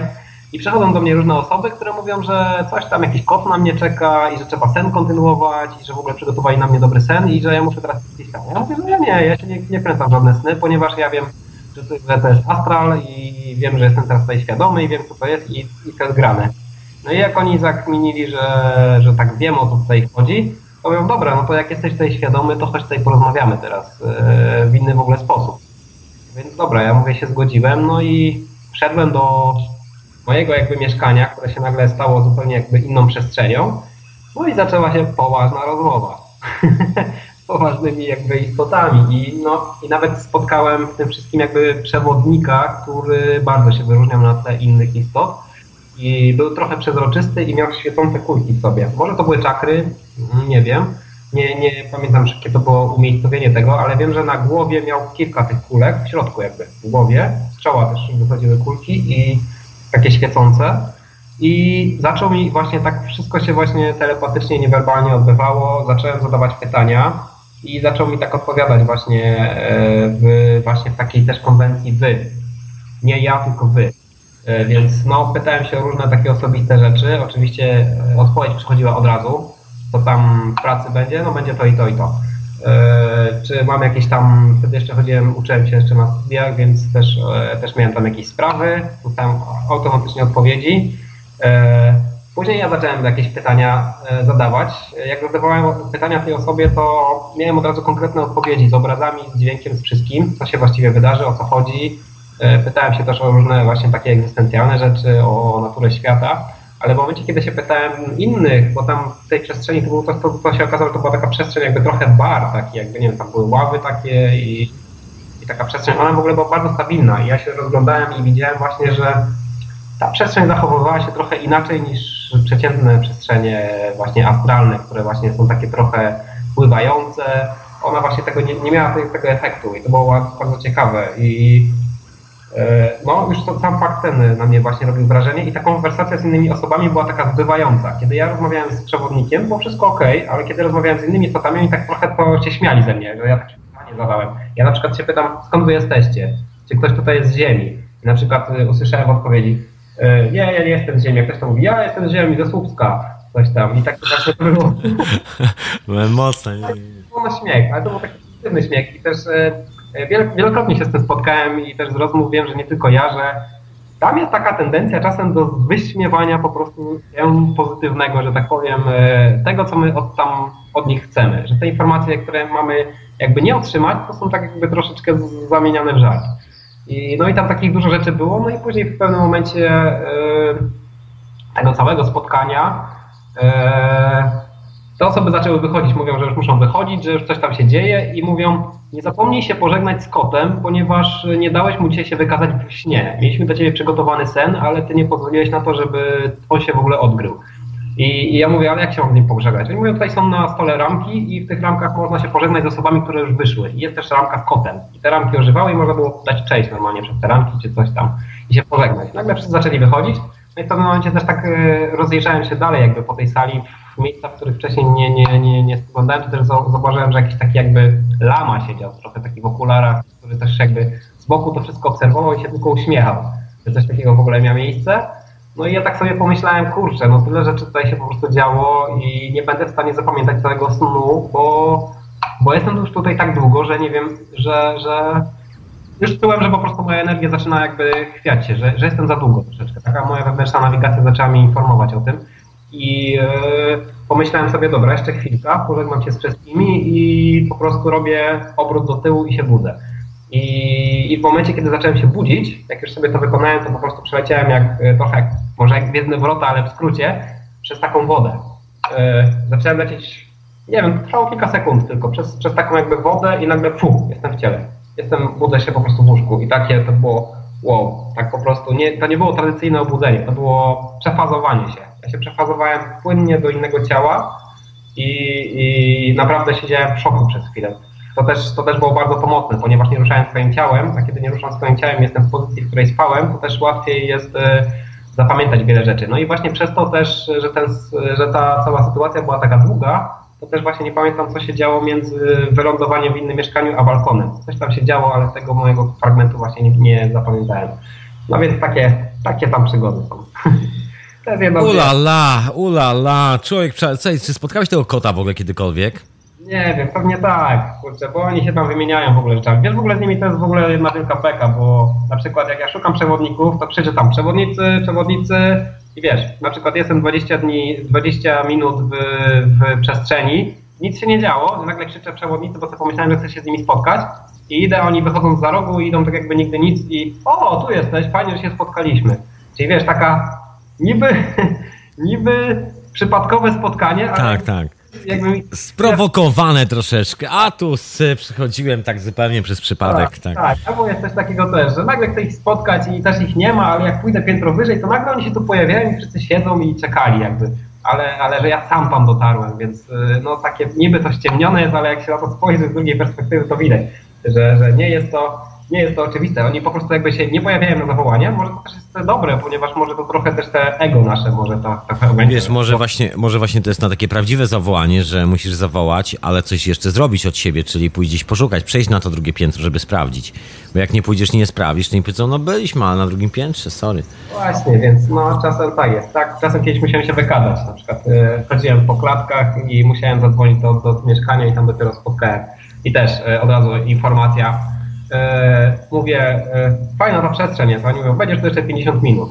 Więc ja sobie też e, swoje drzemki kiedyś notowałem z minutami. Kiedy, kiedy zasypiałem, to, to sobie wpisywałem daty, a kiedyś tam się kierowałem tym dziennikiem słuchawca, więc, więc miałem swoje dowody. Ciekawe, ciekawe. Słuchaj, nie, nie zapisuję tylko sny.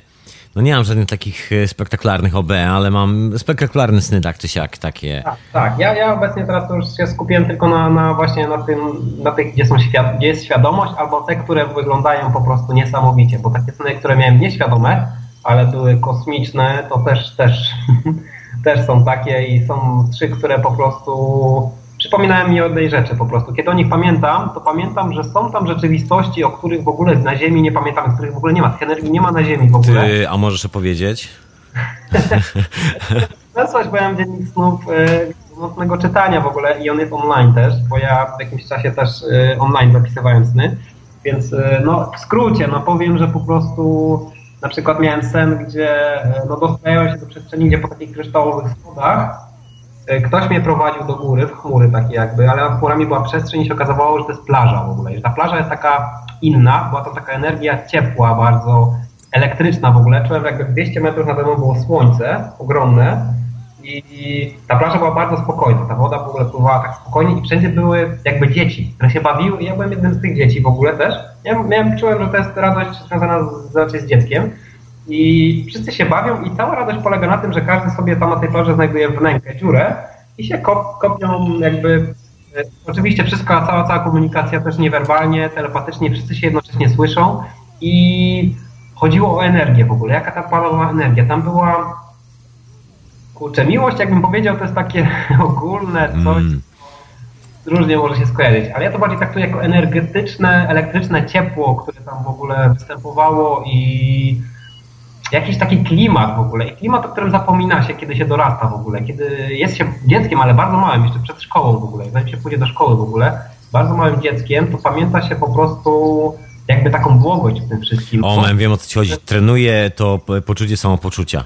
Tak, ale chodzi o ta przestrzeń, którą tak, tak. emanowała, że to jest po prostu jakaś, jakaś bardzo wysoko wybrująca przestrzeń, bardzo blisko jakiegoś słońca, która no, jest ciekawa i też zostałem tam zaprowadzony. To jest jedna z wielu takich przestrzeni. Znaczy ja takie trzy pamiętam bardzo dobrze i to, ja to mówię teraz tak w skrócie, żeby też tej całej audycji mm -hmm. na mhm. temat nie, nie zająć. No wiesz, tak, musiałem cię za chwilę za, na te sny pociągnąć, bo o tych snach e, tutaj dosyć często tak, mówię, one się pojawiają w radiu na fali, takie już od długiego czasu, tak wiesz, robię, robię takie wrzuty ze snów. Myślę, że to zdrowe jest po prostu. To jest bardzo zdrowe. Moim zdaniem to jest w ogóle jakiś sposób, w ogóle pamiętanie takich snów, nawet pamiętanie wielu snów, to jest w ogóle to jest jakaś równowaga w tej przestrzeni też, bo jak zatracimy w ogóle kontakt y, z pamięcią snów, to w ogóle jesteśmy tylko tutaj skazani, na tej ciężkiej wibracji no to może prowadzić nas w różne nastroje, czasem nieciekawe, więc y, dla mnie w ogóle obszar śnienia jest bardzo ważny i praktykuję BHP i właśnie chcę, żeby BHP śnienia oczywiście i, i chcę właśnie, żeby te moje sny w jakiś sposób też były uwzględnione w moim życiu. No, więc... Słuchaj, to co, to może zróbmy tak, zróbmy przerwę. Jasne. Weźmy troszkę oddechu. E, ja puszczę jakąś muzyczkę i wracamy po przerwie. Ja tak, jakbyś tak, te, może chociaż jeden z tych snów, jeden taki powiedział, to było super. Mhm. Okej, okay, spróbuję. Dobra, to, e, to ja rozłączam. Z nami jest Tomek Gruba. A wysłuchajcie oczywiście hiperprzestrzeni w radiu na fali. My sobie rozmawiamy, ja wypytuję Tomka różne sprawy, bo bardzo ciekawe rzeczy. Ja nie jestem e, takim specem od świadomego śnienia. No lubię swoje sny nieprzeciętnie, jakby daję sobie radę, podróżuję sobie w tych snach po, swo- po tych wymiarach i tak dalej, i tak dalej. Ale w ogóle jestem takim e, amatorem, no i tyle. A Tomek to przynajmniej wie, jak to robić. A wy słuchacie radia na fali. Hiperprzestrzeni retransmitowanej też w Radio Paranormalium. Pozdrawiam was wszyscy, moi drodzy, kochani słuchacze. A ze mną jest gość, Tomek Gruba. Ja już się zwaniam z Tomkiem, już się zwaniam. Nawet nie będę mówił co, jak, już się zwaniam i tak wszyscy wiemy o co chodzi. Będziemy kontynuować nasze rozmowy. Witam, witam Tomku ponownie. Witam cię, witam Paty ponownie. Idealnie, słuchaj, to ja tak jeszcze cię pociągnę, z, żeby, wiesz, żeby nie przegadać tego tylko i wyłącznie na sny, ale już o ten jeden sen, taki jak już powiedziałeś, że masz trzy takie, które cię wyorały, to po prostu poproszę kawałek tego jednego, taki kawałek symboliczny, taki wiesz, odrobinę, odrobinę tortu na talerzu, taki z wisienką. No dobrze, no dobrze. No powiem jeszcze o jednym, o jednym takim wydarzeniu. Właśnie ja wiesz, no mówię o tym, że to wszystko są sny. No tak, to są wszystko sny, ponieważ to się wiąże z zaśnięciem e, naszego ciała fizycznego. No i... może inna rzeczywistość, e, może, może to jest dobre określenie. Znaczy, wydaje mi się, że wiem, e, wiem o czym mówisz, wydaje mi się, że chyba wszyscy wiemy o czym mówimy, że jest to coś więcej, że to nie jest tylko właśnie takie spłaszczone do snu, do momentu bycia nieświadomym głupkiem, który właśnie zażywa odpoczynku, żeby w ciągu dnia odpowiedzialnie wziąć losy świata na swoje plecy.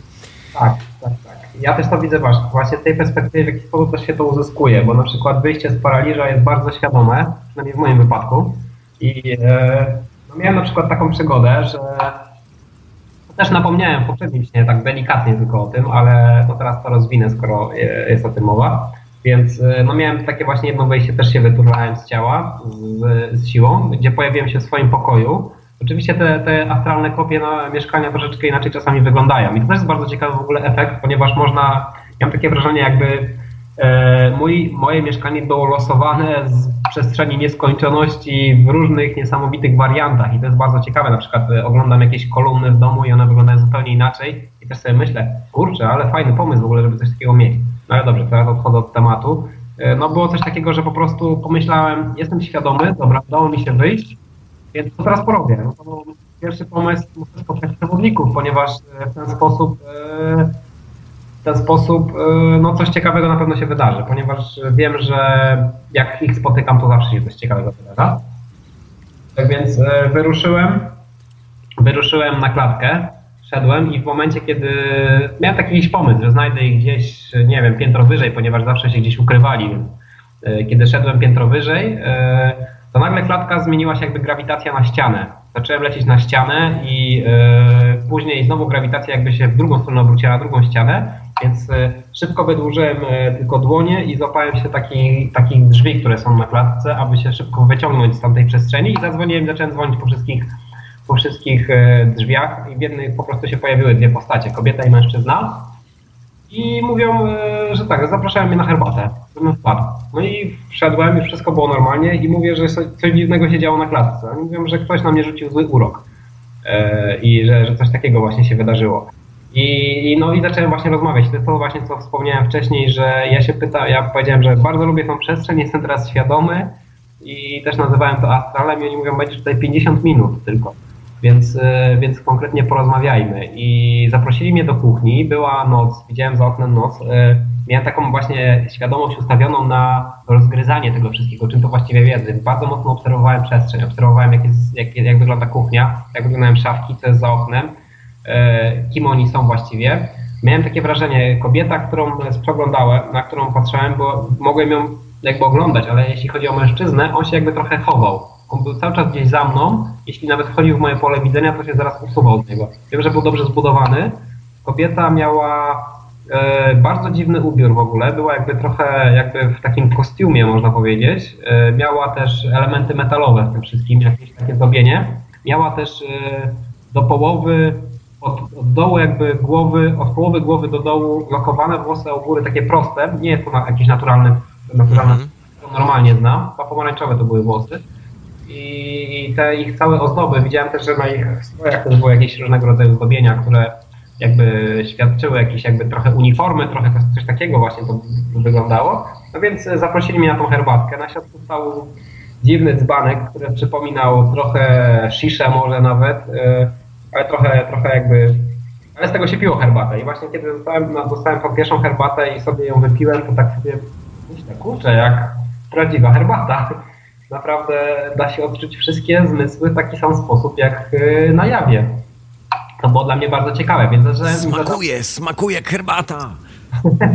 działa. Więc e, zacząłem, zacząłem po prostu z nimi rozmowę i zacząłem rozmawiać oczywiście egzystencjalnie, ponieważ najbardziej mnie to ciekawiło, co to właściwie jest, kim oni są i o co właściwie chodzi. Więc zapytałem się, o co chodzi w ogóle z życiem. Oni odpowiedzieli mi, że nie wiedzą, że, że tak naprawdę wszystkie istoty we wszechświecie szukają sensu, dlaczego to wszystko w ogóle istnieje, że nie ma jakiegoś, e, jakiejś definicji na to i rozwiązania, że chodzi o to, żeby żyć i żeby w ogóle w tym całym życiu, w tym wszystkim, co istnieje, w ogóle odnaleźć w ogóle sens. Jakby. E, I to jest w ogóle jakby taki największy plan w ogóle tego wszystkiego, co istnieje. Więc e, jesteśmy wszyscy poszukiwaczami, jak my, jak i wszystkie istoty, które są. Jakby coś takiego w ogóle otrzymałem, więc no to było bardzo ciekawe. I e, Właśnie zniszczyłeś wszelkie religie świata swoim odkryciem. E, jest. Pozdrawiam. Wszystkie, właśnie, właśnie wszystko runęło. Powiedziałeś, jaki jest sens egzystencji na tej planecie? Oni nie wiedzieli. Oni mówią, że e, poszukujemy dalej. Wszyscy razem poszukujemy i, i to jest najważniejsze. I no miałem po prostu konkretną tutaj rozmowę właśnie z tymi istotami, która trwała no około 50 minut właśnie, ponieważ kiedy się też wybudziłem, to spojrzałem na budzik i tam było około 12 godziny, a zasypiałem przed 11, więc sobie policzyłem, że czas, kiedy robisz takie inne rzeczy, więc e, znowu skurczybyki wiedzieli. Cwany numer, cwany numer ci zrobili. Taki jeszcze, jeszcze trwał dokładnie tyle, ile powinno trwać na zegarku. No, oni mają takie też różne rzeczy, na przykład powiedzą ci, co za dwa dni się wydarzy i ty nawet możesz o tym zapomnieć, a nagle kiedy to się wydarza, to sobie przypominasz, że coś takiego miałeś, taką informację i też dwa razy byłem na coś takiego wystawiony i też e, nie pamiętałem i sobie przypomniałem, że faktycznie dostałem taką informację we śnie. Tak, było tak. Więc e, no, to jest bardzo ciekawe i no, mówimy o tym, że czas nie jest linearny, że, że w tych dalszych przestrzeniach, kiedy na przykład się zapali DMT albo y, wejdzie w odmienny stan, rzeczy, odmienny stan umysłu bardzo mocno, to nagle wszystko zaczyna się walić, więc y, no myślę, że jak najbardziej taka prekognicja tutaj może być realna, bo też ktoś może uwzględnić na przykład taką kwestię, że to może być też takie autoprogramowanie na przykład. Jeśli powiedzą, że coś się wydarzy, to coś się wydarzy. Nie wiem jak to jest, nie wiem działa ten mechanizm. No ale nie wiem, ja powiem ci szczerze, że nie wierzę w, e, w ten, w ten self-programming ta- na tym etapie, na tym poziomie, ponieważ Mhm. no, jest dys, tak zwana dysocjacja ego, prawda?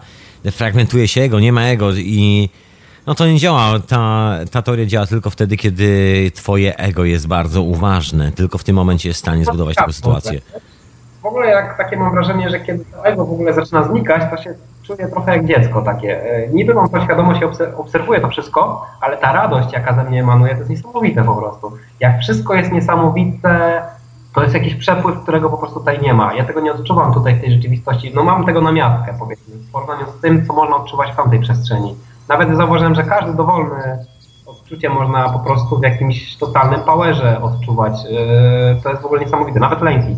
Jeśli ktoś się boi, to się boi na całego. Jeśli ktoś kocha, to kocha na całego. Ta przestrzeń w ogóle oferuje niesamowite możliwości doświadczania w pełni różnych w ogóle rzeczy. I także herbaty.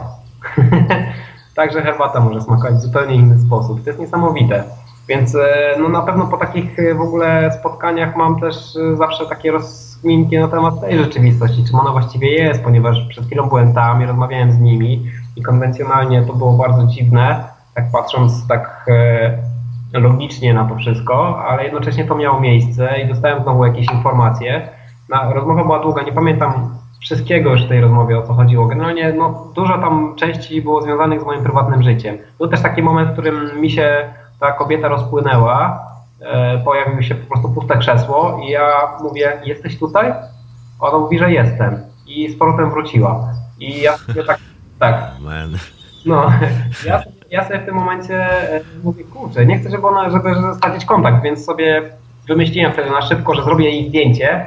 E, rękoma jakby trochę zrobiłem to, że nie miałem żadnego aparatu, więc zrobiłem zdjęcie i wsadziłem je sobie do głowy.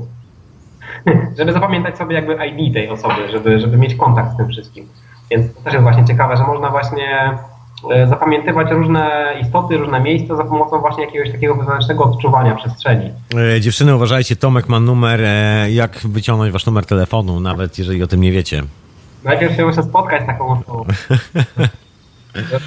nie no, se, wiesz, brzmi jakby niesamowicie w ogóle taka sytuacja Wiesz, bo ja sobie doskonale zdaję z tego sprawę, że są to takie bardzo realistyczne wizje, które jak na ironię, no spektrum widzenia kolorów, przynajmniej w moim przypadku i jakby odczuwanie tych sytuacji jest często większe niż e, takiej normalnej rzeczywistości. Tak, tak, tak. To też właśnie odmienne stany świadomości też pokazują czasami, że kolorów może być trochę więcej niż widzimy normalnie i także mogą być kolory, które są nienazwane w naszej rzeczywistości. No rzeczywiście, no, otóż to i taka sytuacja, że ktoś siedzi i zamienia się, po prostu znika po czym jeszcze raz się pojawia, tak znikąd, no to robi wrażenia bardzo takie intensywne.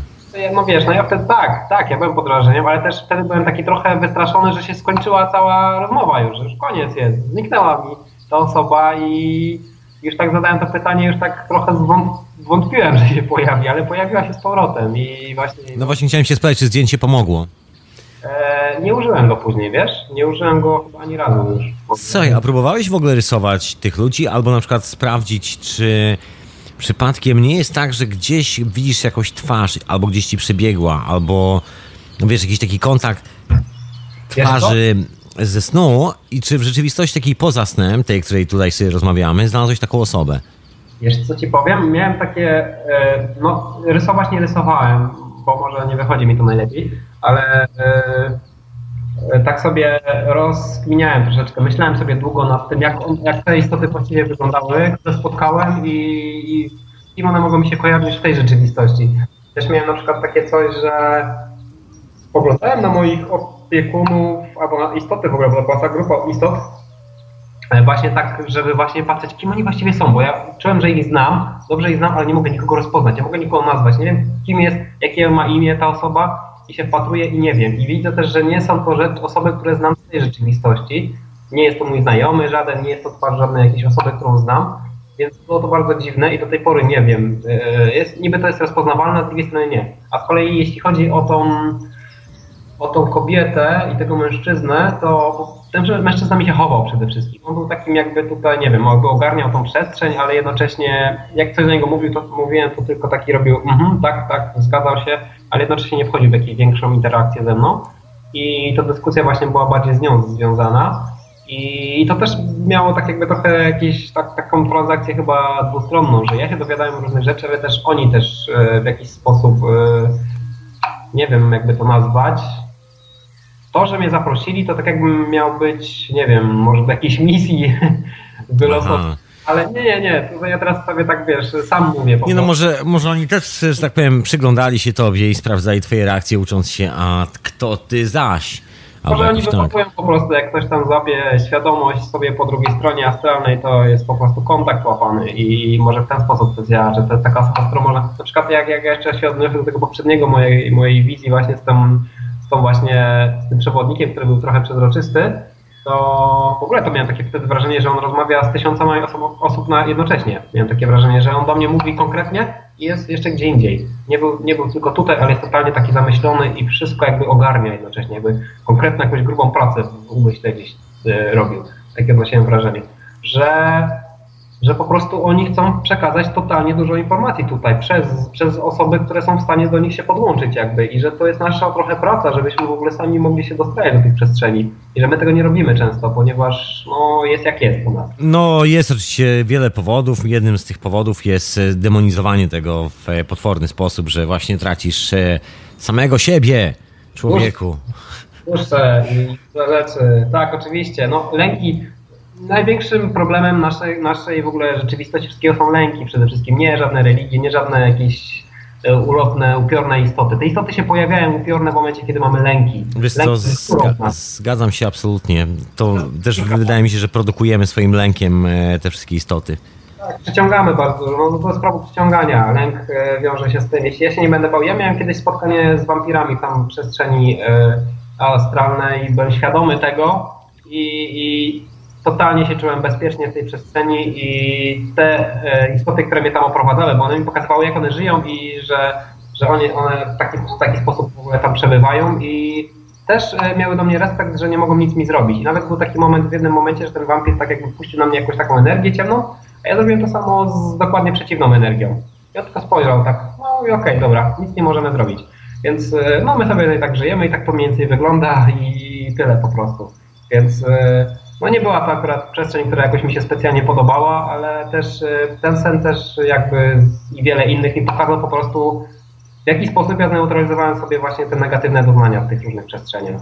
Więc yy, to się zaczęło kiedyś. To się zaczęło też, z, to miało też związek właśnie z, z tym, że podjąłem jakby te warsztaty świadomego śnienia i w ogóle tą tematykę jakby bardziej wziąłem jakby, o, e, e, że będę się tym jeszcze bardziej zajmować niż do tej pory. I w tym momencie też e, intensywność tych koszmarów jakby zaczęła maleć. Jakby nawet sny, które miały być koszmarami się stawały niekoszmarne, ponieważ ja na nie inaczej reagowałem. Zupełnie inaczej je traktowałem i one się stawały absurdalne, śmieszne. I, i po prostu nie mogły, nie mogła ta energia tam się jakby zatrybić. I no to jest bardzo ciekawe. I naprawdę teraz patrząc na przebieg moich snów, jeśli mi się przyśni koszmar, to jest raz w pół roku może, raz na trzy miesiące maksymalnie po prostu sobie nie przypomina. To też nie są jakieś takie wielkie koszmary przy tym. Więc yy, da się to zrobić, da się po prostu od tego uwolnić. Tylko po prostu trzeba. regularnie, regularnie ćwiczyć. Codziennie. Oczywiście czasem natrafiam na różnego rodzaju, ja to nazywam chochliki, że tak powiem. To są istoty, które e, albo mechanizmy, które po prostu nie tyle robią coś strasznego, ale które próbują jakby od, odciągnąć mnie od sedna snu, próbować mnie wybudzić, powiedzieć coś niemiłego, próbują jakby zaczepić, próbują jeszcze jakby ten cały negatywny mechanizm we mnie zaczepić, ale to jakby nie wychodzi do końca. I to też jest, to jest ciekawe, że te, cały czas to jakby tam czekało. W momencie, kiedy ja się na przykład, yy, kiedy po prostu potknie mi się noga i po prostu z powrotem wejdę w ten lęk jakiś, to, to, to jakby cały czas jest tam obecny mimo wszystko. Tylko, że nie może na razie zadziałać. Ja mam... Generalnie wygląda na to, że lęk jest po prostu aktywatorem tych zjawisk, proszę pana. Tak, tak, tak. Bez lęku nie mogą nic zrobić. Są, są bezsilni bez lęku w ogóle. Więc e, no, i kiedy ja mam w ogóle przekonanie w śnie, że nic mi nie grozi, ja jestem bezpieczny i jestem tutaj e, pierwszą, pierwszymi skrzypcami, które w ogóle mogą mi, które zapraszają do siebie energię, to po prostu jestem totalnie bezpieczny. To jest największy shield, jaki istnieje. Po prostu nie ma, nie ma nic lepszego na to niż moje przekonanie na ten temat. No to myślę, że rozwialiśmy już wszystkie strachy na lachy, już nikt się nie będzie się bał. Słuchaj, mam pytanie a propos tego strachu jeszcze tak na koniec. Strach, strasznych rzeczy, bo już nie było więcej strasznych rzeczy. Tak, ale ja też bym też coś jeszcze powiedział. No, no dobra, daj pytanie. Słuchaj, tak szybciutko, do, powiesz rzeczywiście to, co chcesz powiedzieć, ja w ogóle nie zamierzam zatrzymywać, anyway. I co, jak się czujesz, kiedy na przykład opowiadasz ludziom o czymś takim? Ty już przeszłeś ten e, magiczny próg mówienia ludziom o pewnych doświadczeniach. A jak było na początku? Ja to tak nawiązuję troszeczkę do kilku maili, które dostałem, do spostrzeżeń słuchacza, który nagrywał swoje sny, że jest taki ciężki moment, bo jak czasami zaczynamy mówić o snach swoim znajomym, to się okazuje, że znajomi zaczynają nas bardzo dziwnie traktować. Wiesz, co ci powiem, to też zależy od tego, w jaki sposób mówimy o tych snach, ponieważ jeśli ja, e, no ja miałem taki sen i tam coś tam się działo i patrzymy w oczy tej osoby, a ta osoba coś tam w niej zaczymy, widzimy w tych oczach może jakąś dezaprobatę, to nasza energia zaczyna spadać i w sumie to chodzi o to, że to jest taka troszeczkę, to jest tutaj bardziej, e, to tutaj ma większą energię w tym momencie, w tym pomieszczeniu.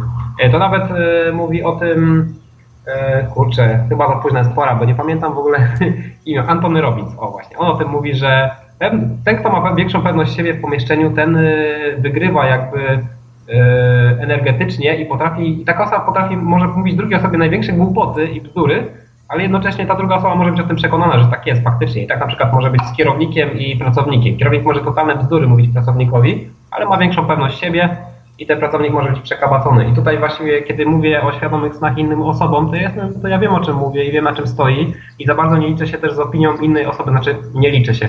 Liczę się z tą osobą, ale mam świadomość tego, że wiem o czym mówię i wiem, że nie będę czuć dezaprobaty, jeśli ta osoba w ogóle potraktuje to w zupełnie inny sposób. I w ten sposób to nie ma takiej mocy działania na mnie, ponieważ ja, to, ja sam sobie jakby przyzwalam na to, że ta osoba może mnie w jakiś sposób osądzić, zmniejszyć rangę tego, co mi się śni. I, no i też druga sprawa to też w jaki sposób o tym opowiadamy.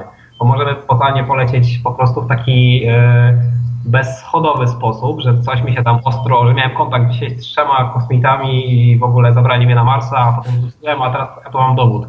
Że Cześć, i- słuchaj, e, Tomek, ludzie na ten temat książki piszą i to się świetnie sprzedaje i wiesz, jest to w dzisiejszych czasach e, prawdopodobnie niezłym pomysłem na życie dla niektórych. Tak, szukamy nowych odpowiedzi, o co chodzi, bo e, poprzednie odpowiedzi, o co chodzi, się już wypaliły. Już Kościół wypalił się, e, stare poglądy naukowe się wypaliły, stare mity się wypalają, więc no o co chodzi? Więc pytanie cały czas, cały czas jest aktualne, więc teraz ludzie szukają w ogóle nowych koncepcji. Wiemy, że świat jest magiczny. Ja odkryłem magię świata, zauważyłem, że on cały czas jest magiczny, ponieważ my zapomnieliśmy o podstawowych rzeczach, o tym, że on w ogóle istnieje, o tym, że liście, to, to wiedzą dzieci na przykład. Dlatego dzieci widzą, że świat jest magiczny, ponieważ spojrzą na liście, na szyszkę, na wszystko, co jest dookoła i są w zachwycie po prostu. Niesamowitości tego wszystkiego, co jest. I, i kiedy się o tym zapomina, to świat się przestaje być magiczny. To, to... I kiedy ja mówię, że jest magiczny, to nie chodzi mi o abracadabra, chociaż w tym też jest coś takiego, ponieważ e, to wszystko jest żywe. Ja też dzięki swojej jakby tej ścieżce i swoim doświadczeniom właśnie zauważyłem, że nie ma czegoś takiego jak coś martwego. Że dla mnie, to jest, to jest oczywiście mój pogląd na świat, ja w ten sposób widzę świat. Nawet jeśli ktoś coś stoi, jest twarde, to tak w rzeczywistości z czego to jest utkane? To jest, dobre pytanie.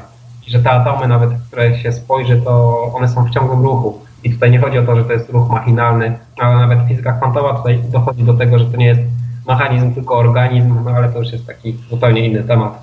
Tak, tak, e, wiemy o tym, wiemy o tym. I ty słuchaczko, i ty słuchaczu. A wy słuchacie Radio na Fali, ja tu się zagryzałem troszkę krakersami z boku. Słuchając tych opowieści, e, oczywiście słuchajcie hiperprzestrzeni, która jest też retransmitowana w Radio Paranormalium. Właśnie dostałem wiadomość, że Radio Paranormalium w sobotę nadaje na żywo audycję o godzinie 19 polskiego czasu o Lucy Dreams i ogólnie o snach. Nie, no nie słuchajcie tej audycji, przecież e, się pośpicie, a chwilę później jest przecież hiperprzestrzeń i zaśpicie na hiperprzestrzeń. Nie można tak, nie o tej porze, nie o tej... Nie no, w ogóle w inny dzień albo jakoś tak. No właśnie, ja już się zwaniam z naszym gościem, z Tomkiem Grubą, już się zwaniam. Się dowiemy co i jak. Tadalidam, halo, halo, jesteśmy z powrotem, idealnie. Witam ponownie. Idealnie, to ja powiem jeszcze raz, że się dowiemy co i jak. Wszystkiego się teraz dowiemy. Dobra, to mów, Dobrze. to mów czego i gdzie się można od ciebie spodziewać, gdzie cię można przede wszystkim spotkać, e, jaki jest powód, powód spotkania z tobą, czego można się od ciebie dowiedzieć. Mów to wszystko, człowieku, mów to wszystko. Chcę mi powiedzieć o tym, że robimy wspólnie z moją partnerką Basią Pączkowską warsztaty śnienia we Wrocławiu teraz 4 października oraz w Londynie 18 i 19 października. Oczywiście jak ktoś chce dowiedzieć się więcej, to można po prostu wejść na stronę fraktalna.pl, jak na konwentu, tylko bez konwent fraktalna.pl, samofraktalna.pl i tam jest pełna informacja na temat tego, jak to będzie wyglądać. No więc e, mamy lokalizację, wystarczy dać znać, jeśli ktoś chce e, spotkać się, poszerzyć informacje. Mamy ciekawy program z prospektami, więc myślę, że będzie ciekawie. Tam też jest informacja o GOZO, a także o innych rzeczach, które planujemy. Generalnie na tej stronie zamieszczam wiele informacji na temat e, różnych wydarzeń, nie tylko swoich, ale także innych ciekawych, o których dostanę informacje, więc no, zachęcam i zapraszam. Okej, czyli Wrocław, a później Londyn, a później ile jeszcze możecie na Gozo wziąć ludzi? Tak, 100, jeszcze- 200, pół tysiąca, dwa tysiące, Nie chcemy tej wyspy zatopić od razu, więc wiesz, pięć tysięcy. Delikatniej na, na początek, tak. I też mamy też jakieś tam sale, które są ograniczone w przestrzeni e, jaskiniate, więc e, no liczymy na 30 osób maksymalnie, więc więcej, więcej myślę, że to już będzie ciasnota i niewygoda. No, z takimi nazwiskami, takie turne. To jest, wiesz, to jest, to jest też trochę akcja poszuki, takie, taki poszukiwanie skarbów trochę, no skarbów w sensie odkrywanie e, czym to gozo właściwie jest, co tam się właściwie działo i to też, ma, też będzie miało z tym związek. Tam jest kilka wątków e, załączonych jednocześnie, to nie jest jednowarstwowy e, wypad, więc no mówię tutaj też zachęcam po prostu do przeczytania opisu i też na Facebooku jest też on trochę pełniejszy, bo tam też można wiadomo aktualizować na Facebooku, różne rzeczy dodawać i tam trochę więcej się tego wszystkiego dzieje. Ale e, no, Także generalnie po prostu jeszcze, jeszcze jeżeli ktoś chciałby dołączyć do ekipy na Gozę, to jeszcze szansa jest potencjalnie.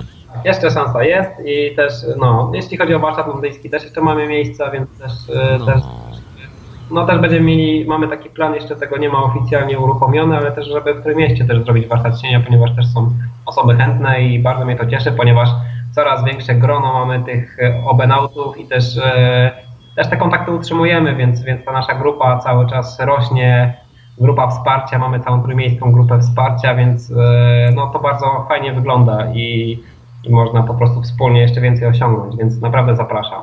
Będzie to naprawdę coś, przekażemy po prostu to, co jest najważniejsze w tej wiedzy i techniki, które nie są jakoś wyssane z palca, tylko które samemu sobie opracowaliśmy i które działają i które no, są sprawdzone i które też były przetestowane na y, 14 poprzednich warsztatach. Tak więc no, jest tego. Zresztą warsztat w Londynie to już drugi raz prowadzimy i no, poprzednia edycja też była ciekawa i też miałem okazję się z tą akurat spotkać. To prawda.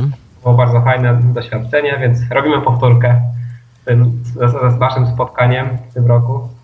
Dokładnie, dokładnie. Słuchajcie, zobaczę tego człowieka, zobaczę jak wygląda człowiek, który śni świadomie.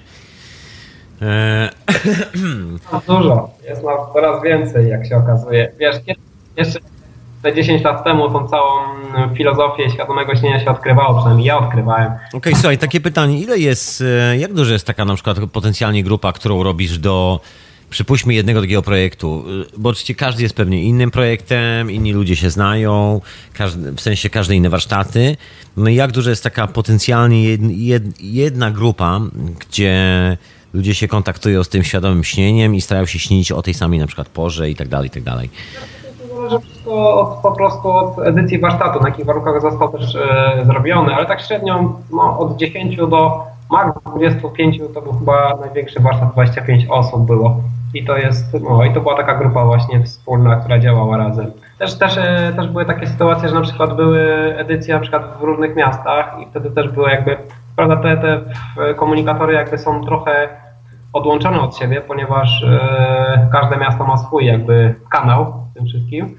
Ale to ten, ale to tak, to wtedy też, też ciekawa energia po prostu była, która wpływała, która po prostu jakby więcej było tych osób razem licząc.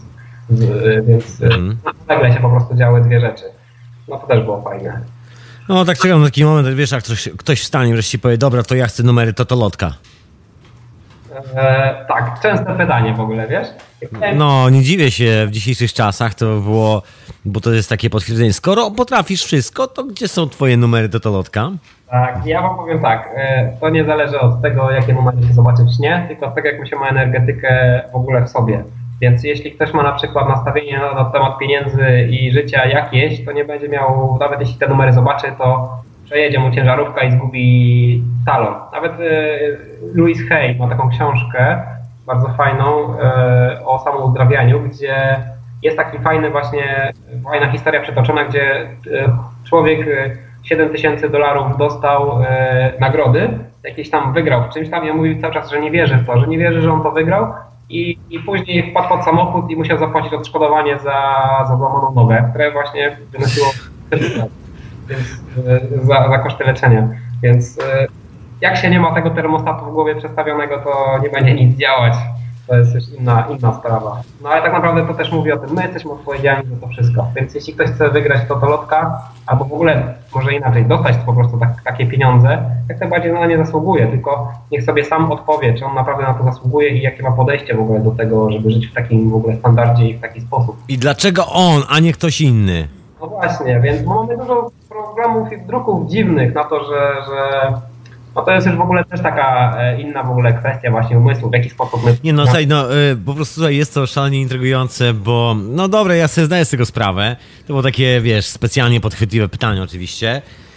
Bo y, no jest taka duża różnica pomiędzy światem e, tym sennym, znaczy w sennym cudzysłowie, światem, gdzie nie ma gdzie nie, nie, ma, nie trzeba realizować żadnych potrzeb poza tym, że nam się czegoś ma chcieć albo nie chcieć i tylko wtedy się to wszystko materializuje i się realizuje, do świata, w którym jesteśmy troszeczkę bardziej tacy, że no trochę więcej powinniśmy ogarnąć. Tak. I nie wszystko zależy od nas, rozumiesz? Tu, to jest ta różnica, że nie wszystko zależy tutaj od nas, natomiast tam wszystko właściwie zależy od nas. Ja ci powiem, że i tu, i tu, i tak, i nie. Dobra, to opowiadaj. Wszystko zależy od, od punktu odniesienia, moim zdaniem, wiesz, ponieważ e, jedna sprawa to jest to, mamy tą nadświadomość w ogóle, nie wiadomo do końca czemu ona jest, wiemy, że jest to taki super umysł, który jest nad nami, super świadomość, coś, co jest nad nami i w ogóle wie lepiej zawsze i też właśnie w snach można się do tego odnosić. E, no też e, po, pojawia się coraz częściej ta koncepcja, że wszystko jest jednym tak naprawdę i że, że to jest jakaś iluzja, to nasze rozdzielenie. Nie wszyscy to do końca rozumieją. To ja się z tym zgadzam, to ja się z tym zgadzam. E, więc tak, więc Tutaj to pytanie i tak i nie jest właśnie, znaczy odpowiedź jest związana z punktem odniesienia, w jaki sposób ja na to spoglądam, ponieważ ja tak naprawdę jestem odpowiedzialny za swoje życie i, i mogę też unikać tego i to też może być dla mnie prawda, że nie jednak może nie jestem do końca odpowiedzialny za swoje życie w całości i, i to też będzie się sprawdzać w jakiś sposób. Ale tak naprawdę jeśli ja sobie będę robić źle w swoim życiu, to to tak czy siak do mnie wróci koło karmy, e, Kali i w ogóle e, te wszystkie sprawy związane... Okej okay, Tomek, to słuchaj, czy na przykład jeżeli masz taką sytuację, że masz ten świadomy sen i z tej okazji, że po prostu jesteś świadomy w tym śnie, mówisz, okej okay, chłopaki, nie, nie, nie podnoszę tej zabawy, tego przestawienia się nie odgrywamy, ja idę w lewą stronę, to, że miałem pójść tam w prawą stronę i coś zobaczyć, tak, chociażby tak. tego kota, mówisz, akurat sorry chłopaki, wali mi to dzisiaj, idę w zupełnie odwrotnym kierunku, bo chcę pójść na ryby. I czy to nie jest troszkę taka przeszkoda, trochę, nie wiem, w łapaniu informacji w lepszy sposób? Znaczy, jakby, wiesz, nie chciałbym tego kategoryzować, taki, że jejku, co ty robisz, człowieku? Przecież to święte wieści do, do ciebie idą. Ty masz spotkać tego kota tam, ty masz yy, pójść w lewo, a nie w prawo. A co ty robisz, człowieku? Rozumiesz? Czy nie masz takiej obawy, że na przykład tracisz jakąś część informacji, która jest zawsze podawana w taki bardzo spontaniczny sposób, taki bardzo easy, easy come, easy go.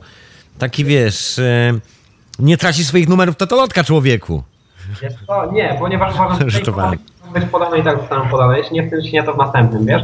A też zauważyłem dzięki temu trochę mechanikę snu, że coś było przygotowywane, że w jakiś sposób sny są zaplanowane i, i to było bardzo ciekawe odkrycie dla mnie.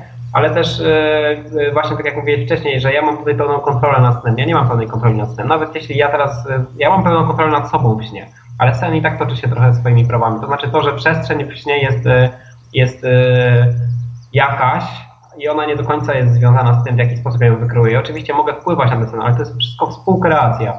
I nawet ja tutaj przyjdę takim przykładem dziewczyny na naszym warsztacie, która opowiadała o tym, że ona chciała e, sobie zainkubować przestrzeń plażową. I się pojawiała na tej plaży, ale co chwilę wskakiwały na tą plażę pingwiny. I ona musiała je odganiać i tak naprawdę to, co było jej celem, jej nie wyszło, ponieważ plaża się pojawiła i było fajnie, ale jednocześnie sen i tak trochę zaczął swoim y, nurtem żyć i tak jest do końca, tak jest cały czas, że my możemy jakiś obszar po prostu jakby zaprojektować, ale dalej tak sen będzie odbywać, ta przestrzeń będzie jakby swoim życiem żyć. Nie mamy wpływu na całość. No wiesz, no nie, nie najgorsze pingwiny zamiast przykład lodówek, to już jest jakby postęp. E. Tak. ale, ale zemsta okrutna losu. Ulubiona plaża z pingwinami, tak, brawo, w sam raz na wakacje, w sam raz, dobrze, że jeszcze nie padało. Zresztą bardzo wiemy, że mogą być bardzo abstrakcyjne, jak to ten nasz umysł abstrakcyjny. Nie, no tak się zapytałem sobie, bo ja na przykład osobiście właśnie dlatego nie, nie za bardzo się wbijam w ogóle w całą kwestię, wiesz, świadomego snu. Znaczy jakby, wiesz, jestem o tyle świadomy, o ile jestem w tym śnie, i, ale lubię to właśnie dryfowanie, lubię to, że to mnie prowadzi tak, jak mam mnie prowadzić, że... Bardzo, bardzo fajna sprawa. I na przykład ja, ja kiedy jestem świadomy, i to też można być świadomy właśnie, i to nawet teraz polecamy na warsztatach, bo sami to jest najlepsza rzecz, którą można zrobić, oddaję prowadzenie przewodnikowi i dryfuję. Jestem świadomy, komunikuję się z nimi, rozmawiam, ale nie wpływam na kreację snu, na to i to, co się wtedy wydarza, jest w ogóle najlepszą rzeczą, która się mogła w ogóle stanie wydarzyć oddać w ogóle stery z przewodnikowi. Możecie zaprowadzić tam, gdzie nikt nigdy nie był i możecie, możesz uzyskać informacje, których potrzebowałeś, możesz dostać energię, której potrzebowałeś, może być to jakaś emocja albo coś. E, no znaczy ja mówię teraz tak e, fragmentarycznie, ale po prostu testy są niesamowite, które są po prostu związane z oddaniem energii. Nie, to prawda, jest tam... Tej energii, no. Słuchaj, bo faktycznie jest tam jedna taka rzecz, jest zawsze taki specyficzny moment dokonywania decyzji. I to jest bardzo takie właśnie nietypowe dla niektórych czasami, jak, jak, że jest moment, w którym musisz dokonać decyzji, czy pójdziesz w lewo, czy pójdziesz w prawo. I ten rodzaj, no nie wiem, opiekuna, tej postaci po prostu z boku, która pomaga nam, tudzież cokolwiek robi, nie, nie mam tego pojęcia. Czujemy tą istotę z boku. No i ona jakby stawia nam to pytanie i my sami wybieramy odpowiedź i następnie dzieją się kolejne rzeczy.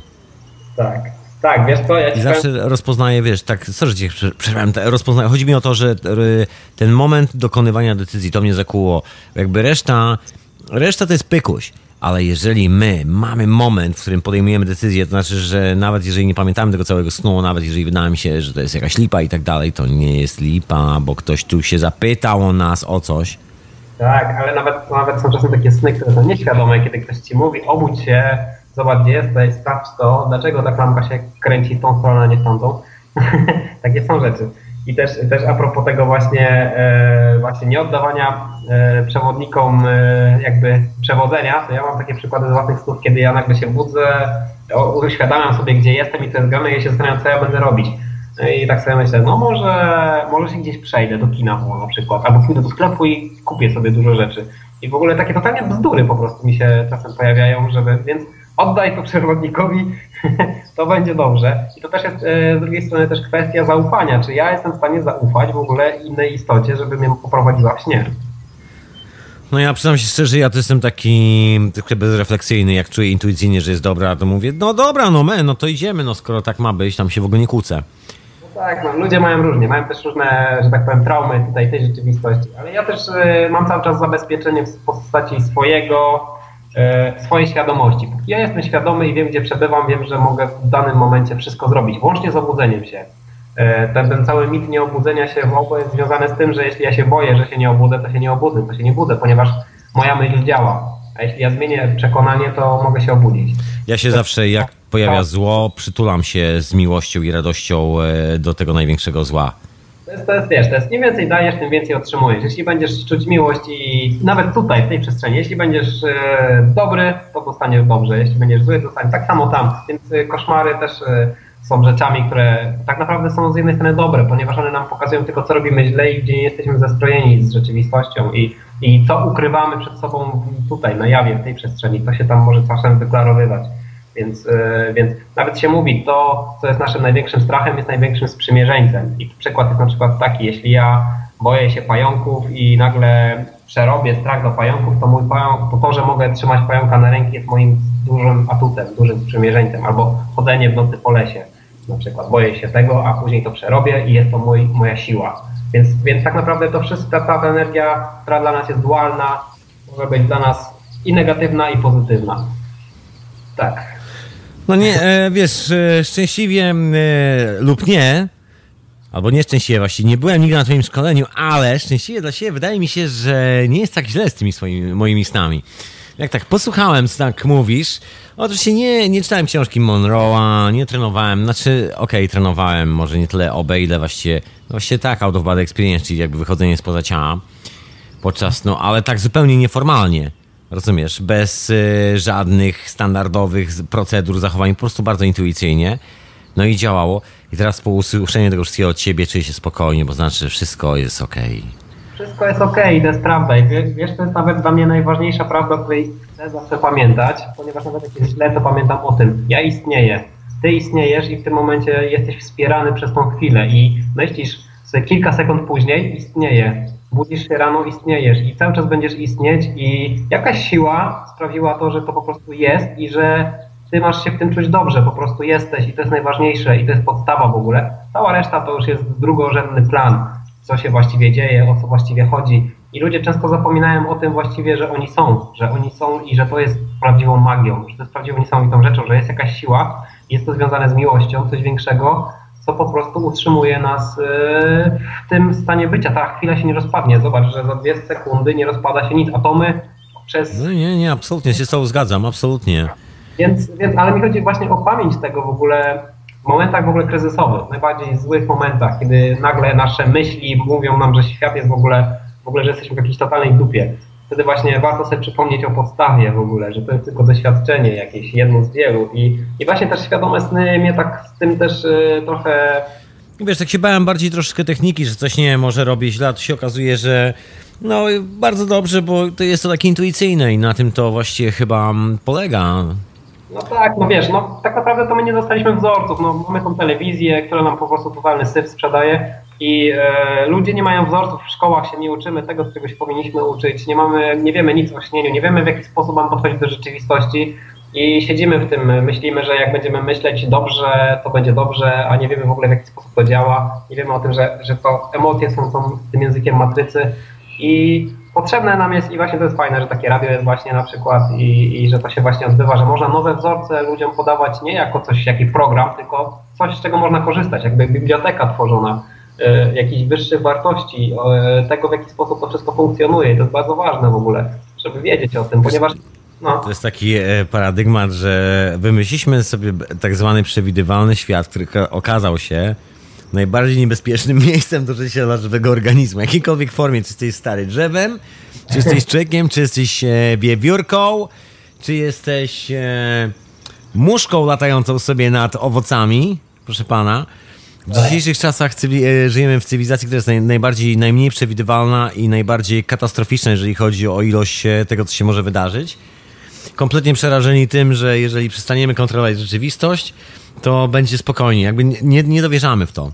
To jest taki paradoks, że widzimy jedno, ale nie dowierzamy w to, że jak puścimy troszeczkę tego wszystkiego, jak przestaniemy się kurczowo trzymać tego parapetu zwanego cywilizacją, tak, to, to nawet mówi właśnie fajna postać, którą znam tak właśnie z materiałów YouTube'a Moji na przykład. E, nie wiem, czy go kojarzysz, ale mówi bardzo fajne rzeczy, że już, już jesteś wszystkim, już jesteś tym szczęściem, weź to wszystko w ogóle zostaw e, i i ludzie po prostu ganiają za czymś. Teraz będę szczęśliwy, tylko za rogiem muszę coś jeszcze zrobić i będę szczęśliwy, a to chodzi o to, żeby się zatrzymać i już wszystko jest i ta rzeczywistość nas totalnie wspiera. Ona nas wspiera i w złym i w dobrym. Tylko co my wybieramy. Jeśli ja czuję, że wszystko jest do dupy, to to rzeczywistość będzie mnie w tym wspierać.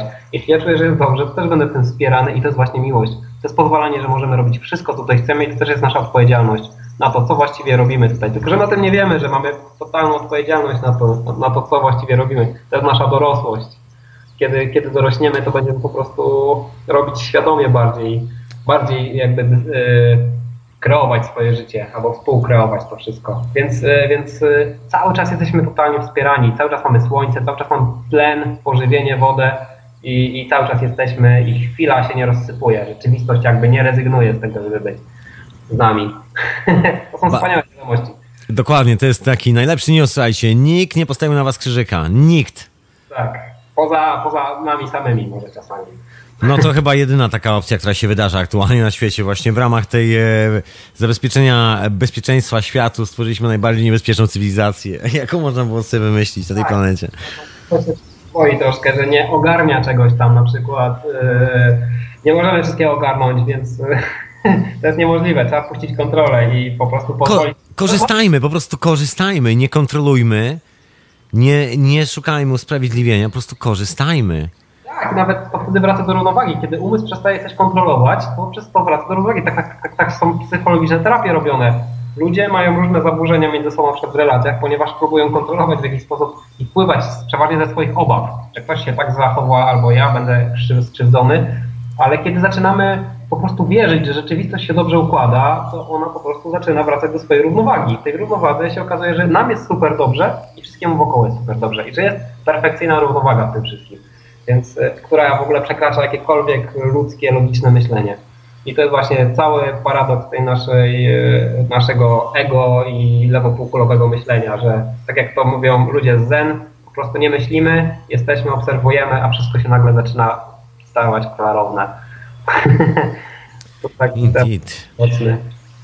No, to, to jest tak. No, no, moim zdaniem ważne są te, te właśnie mm, wiedza na temat działania umysłu, która właśnie też przyszła właśnie ze wschodu. E, no, ci ludzie chyba nie bez powodu tam siedzieli, medytowali długo. Nie chodzi mi o filozofię, o całe dogmaty, bo wiadomo, że w każdej...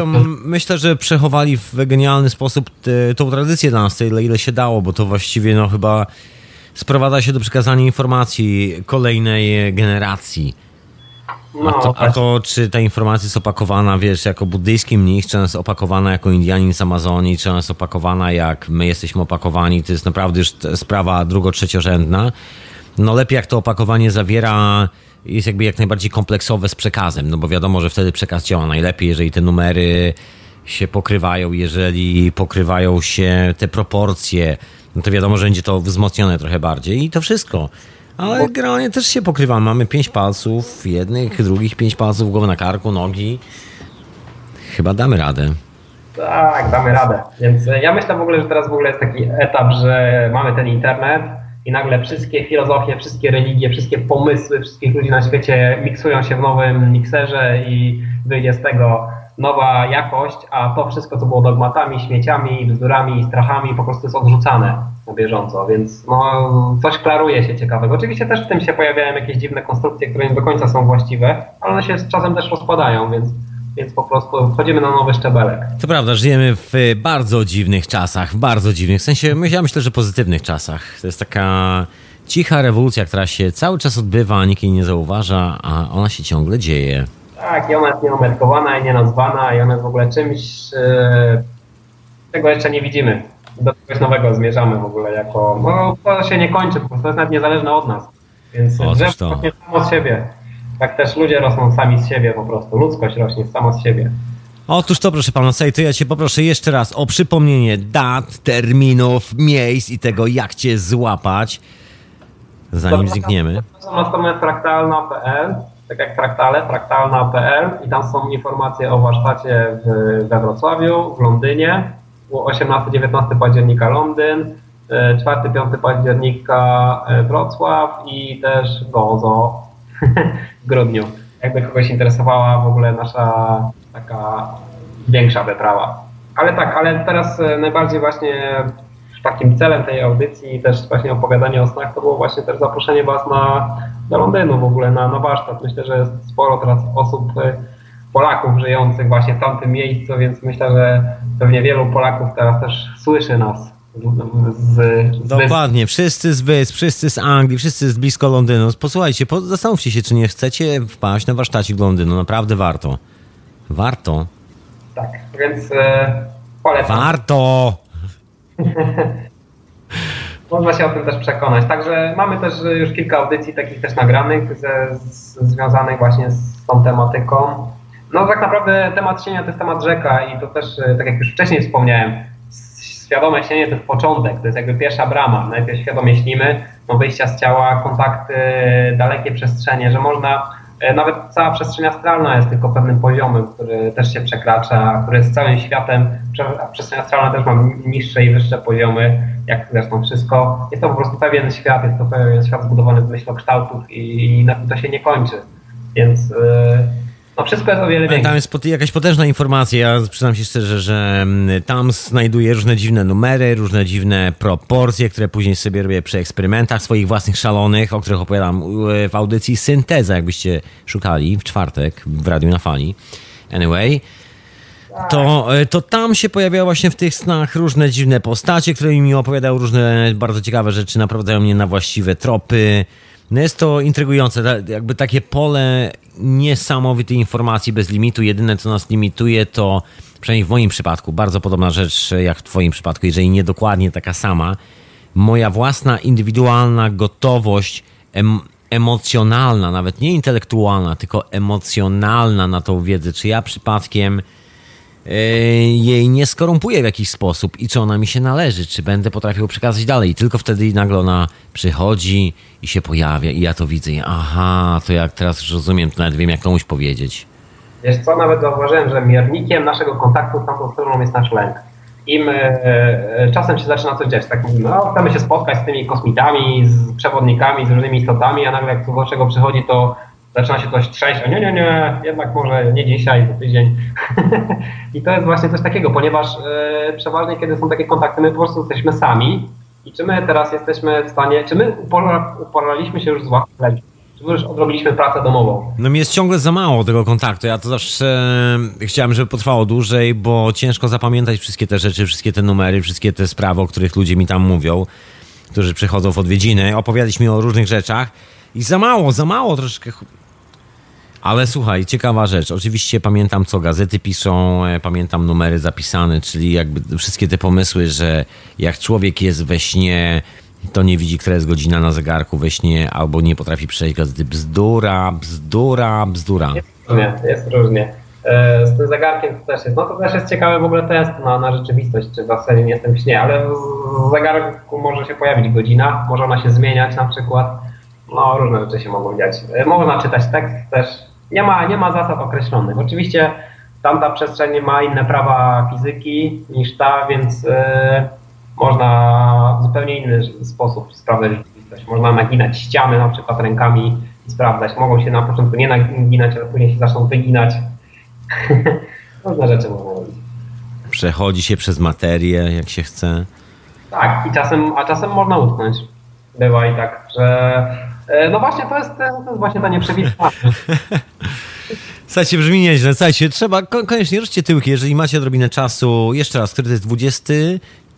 E, 18-19 października. 18-19 października w Londynie, także ruszcie się na, nawet na stronę Radia na Fali. Tamten pierwszy baner od góry na głównej stronie to jest baner do fraktalna.pl i tam znajdziecie wszelkie możliwe informacje. Tomek, ja nie wiem, czy ja po prostu ja wyrobię na ten warsztat, czy nie, no ale tak czy jak się spotkamy, to porozmawiamy o tych snach jeszcze. Ja to pewnie. Spotkamy się na pewno i, mamy tam, e, mamy już ustawkę zrobioną. Dokładnie. Ja właśnie ja tu przy słuchaczach chciałem Ci bardzo serdecznie podziękować za materiały dotyczące konwentu wiedzy alternatywnej, które dotarły do mnie. Jeszcze ich nie udostępniłem, bo jeszcze, jeszcze jestem zarobiony, po prostu po okcie muszę rozładować kilka swoich spraw i szybko je udostępniam, także przepraszam i Ciebie za to, że tak długo to trwa i dziękuję za cierpliwość. No to bardzo. Nie, naprawdę nie nalegam na czas. Wiem, jak to z mojej strony wygląda też działanie, więc e, po prostu robisz to, jak robisz. E, masz materiał, o który prosiłeś i to wszystko. Dokładnie. Także niedługo się pojawi. Pojawisz się ty razem z konwentem w radiu. Także drodzy słuchacze, nastawcie bacznie i czujnie swoich uszu. Tak, a tym bardziej, że te materiały to jest totalne archiwum z 2000, no totalne może nie, 2012 rok. No. Będzie, będziemy mogli ob, dostrzec ten proces, tą transformację tej informacji, jak zaczynało się dawniej i co było na kolejnym konwencie, na kolejnym. Będziemy mogli doświadczyć e, tego na własnych uszach, proszę Państwa. tak, wiele się pozmieniało. Naprawdę to zupełnie inaczej teraz wygląda niż wtedy. Ale bardzo dobrze, na plus. Wszystko się zmienia na plus. Tutaj. Nice. Ja cię niedługo podejrzewam też ściągnę jeszcze raz. e, Jeszcze może przed twoim wyjazdem e, do, do tej, e, właściwie nie, nie do Grecji, to jest właściwie, co, co to teraz jest? Hiszpa... Malta, Gozo. Co to teraz jest? Hisz... Hiszpania? Gozo, Malta. Malta, królewską Malty. Dziwny znaczek mają w ogóle, taki bardzo kojarzący się z urządzeniami z plazmą, ale to już historia na inną opowieść. Tak, tak jak Gwiazda Davida na przykład. No to są już też większe sprawy. Tak, ale bardzo chętnie. Jestem jak najbardziej e, za i dziękuję za zaproszenie. Bardzo dobrze, Zaj, ja tu cię będę trzymał, bo wiesz, jest ekipa poszukiwawcza, pojedziecie, znajdziecie jakiegoś giganta i wtedy ja będę mógł o tym powiedzieć. Tak, Rozumiesz? Perki będziemy kopać za gigantami. No, słuchajcie, z, e, jeżeli chcecie wspomóc e, Tomka jakąś akcją, to wszelkie takie urządzenia typu szperacze, takie do, do szukania w ziemi, takie elektryczne, nie, jak to się nazywa, radary takie geodezyjne, także Najpierw taki skaner 40 metrów, co pod ziemią skanuje, to już wtedy wszystko znajdziemy, co potrzebujemy. możecie zamówić mu jakieś zdjęcia z radzieckiego satelity geodezyjnego, także może nie jest to tanie, ale zawsze pomoże. Także z, zapraszam, e, fraktalna.pl. Zobaczcie, może sami pojedziecie razem z tym człowiekiem na tą wyspę. Wyspa Gozu. Kto wie, co się, co się wydarzy jeszcze. Dokładnie. Dzięki wielkie Tomek za przybycie i za e, naprawdę ciekawe opowieści o snach, bo ja tak się, wiesz, jeszcze tak na sam koniec tak już po prostu wykończę, że się tak zastanawiałem, jak daleko jestem e, ze swoimi snami świadomymi od na przykład takich snów, które ty jako człowiek, który prowadzi warsztaty na przykład zaleca. Wiesz co chodzi, jakby od strony technicznej tak się zastanawiałem, jak daleko od tego jestem, a się okazuje, że w sumie w sumie chyba to jest dokładnie to samo. Ja bym się tak nie oceniał właśnie. Dokładnie tak jest. Po prostu inne sfery zwiedzamy, każdy zwiedza trochę co innego i nie ma co, że ktoś tam wybił, gdzieś poszedł dalej, jak ktoś bliżej. To jest bez sensu. Doko- do- dokładnie. Albo się nie doświadcza i to jest wszystko. Otóż to i są, i są te, wspólne, te wspólne elementy, tak jak na przykład to dbanie o siebie, żeby żadne zło nas nie dopadło, nie dopadło podczas snu w postaci strachu. Warto wiedzieć w ogóle w jaki sposób działa mechanika snu, bo wtedy możemy być, y, wiedzieć jak się zachować. Jak Dokładnie, troszeczkę mniej strachów, trochę mniej, e, mniej paniki przy takich sy- sytuacjach. Miłość jest y, tą drugą polarnością strachu, więc, y, więc jak już się ku niej skierujemy, to już jest totalnie dobrze. Więc y, także rozświetlanie przestrzeni jest bardzo dobrą rzeczą, też polecam. Y, w rękach można kulę rozświetlać. Pamiętać o tym, nawet jak ja to teraz Tak, mówię, tak, tak, e, pamiętam o tym. to się odbywa nawet na, na poziomie nieświadomym. W ogóle informacje ze snów, e, jak się dostaje, jak działa mechanika snów, e, działają na poziomie nieświadomym. W jaki sposób nasza podświadomość wie o tych informacjach, jeśli je uzyska i je wykorzystuje. Ja na przykład miałem wiele snów nieświadomych i robiłem te wszystkie rzeczy. Właśnie rozświetlanie przestrzeni, w jaki sposób tam neutralizować właśnie to, co mi się nie podoba, albo wirowanie, żeby zmieniać przestrzeń, takie tam różne rzeczy właśnie. Więc e, no, te informacje gdzieś są w nas i zostają. No proszę Państwa, taki tutorial na lepsze życie troszeczkę. Tak, więc ja Ci też bardzo, Tomku, dziękuję za to, że mnie zaprosiłeś i że mogliśmy sobie tak miło dzisiaj porozmawiać. Proszę bardzo, dla mnie to była taka naprawdę genialna przyjemność, bo ja zawsze gadam, a teraz mogę sobie usiąść i tak cichutko sobie podgryzać krakresiki i słuchać właśnie tych opowieści o snach, bo tak się zastanawiam, wiesz, nad swoimi snami też czasami, znaczy nie czasami, na każdy z nas. Drugie życie, prawda? Można powiedzieć. No tak, spędzamy tam jednak dużo czasu, więc no jest to jakaś tajemnica nas samych, co my tam właściwie robimy, co się dzieje. Otóż to. Kolejna sfera odkrycia. Dokładnie. So ja się zaproszę jeszcze raz do audycji Podejrzewam o snach, bo niedługo będę chciał z powrotem odświeżyć temat snów. E, także tak czy siak jesteśmy w kontakcie. Jasne. To dobrej y, nocy życzę Tobie i wszystkim słuchaczom. Dzięki wielkie, w ogóle dzięki wielkie za twój czas, za to, że się zgodziłeś, bo wiem, że jesteś wymęczony po różnych warsztatach. Jeżeli... Teraz warsztaty, jutro też idę od 10 warsztatować się dalej. Człowieku, czy, to nie jest lekka przesada? Czy nie powinieneś się usiąść gdzieś, odpocząć nad... Fajne warsztaty teraz mi się trafiły. Mam, mam teraz warsztaty z efektów specjalnych w filmach i, i ja jestem teraz uczestnikiem i to jest bardzo fajne też z drugiej strony właśnie usiąść i, i nauczyć się czegoś zupełnie nowego i bardzo to lubię. To mi się podoba, bo to znaczy, że jakość materiałów od ciebie będzie jeszcze lepsza. Właśnie, więc tak, jak się mówi, jak się człowiek nie rozwija, to się zwija. Więc Otóż to. dzięki wielkie, dzięki wielkie za telefon i za bycie gościem. Peace and love, mój drogi, peace and love i kolorych snów. I jak chcesz zostać z nami, to zapraszam, bo ja tu stajesz na wieczorową porę na parę minut. Za chwilę Was posłucham, więc e, dobrej nocy życzę wszystkim słuchaczom i do zobaczenia. Dzięki wielkie. Trzymaj się. To był Tomek Gruba, organizator, współorganizator właściwie konwentu wiedzy alternatywnej, człowiek, który zajmuje się wieloma innymi sprawami, a teraz jest kurs, kurs, y, warsztaty świadomego śnienia w Londynie. O tych wszystkich rzeczach jeszcze usłyszycie. To tyle z wieczorowej pory na dzisiaj. Słyszę jakieś dziwne rzeczy w słuchawkach. Karetka pogotowia, albo jakoś tak za oknem. No tak to jest w Londynie, proszę Państwa. E, także dziękuję bardzo serdecznie jeszcze raz wszystkim za to, że słuchaliście tego odcinka Hiperprzestrzeni, który się troszeczkę przedłużył, no ale było o snach, było o tym, jak się ogarniać z tym, o kilku takich ciekawych rzeczach. Mam nadzieję, że się nie wynudziliście, że nie posnęliście. E, Także pozdrawiam wszystkich mecenasów Radia na Fali, Pisanów kochani, dzięki wielkie za wsparcie. Pozdrawiam wszystkich tych, którzy słuchali też e, hiperprzestrzeni przez Radio Paranormalium. Peace and love, kochani. Pozdrawiam wszystkich. Dobra, to tymczasem koniec tego odcinka hiperprzestrzeni. Zapraszam na kolejny odcinek za tydzień.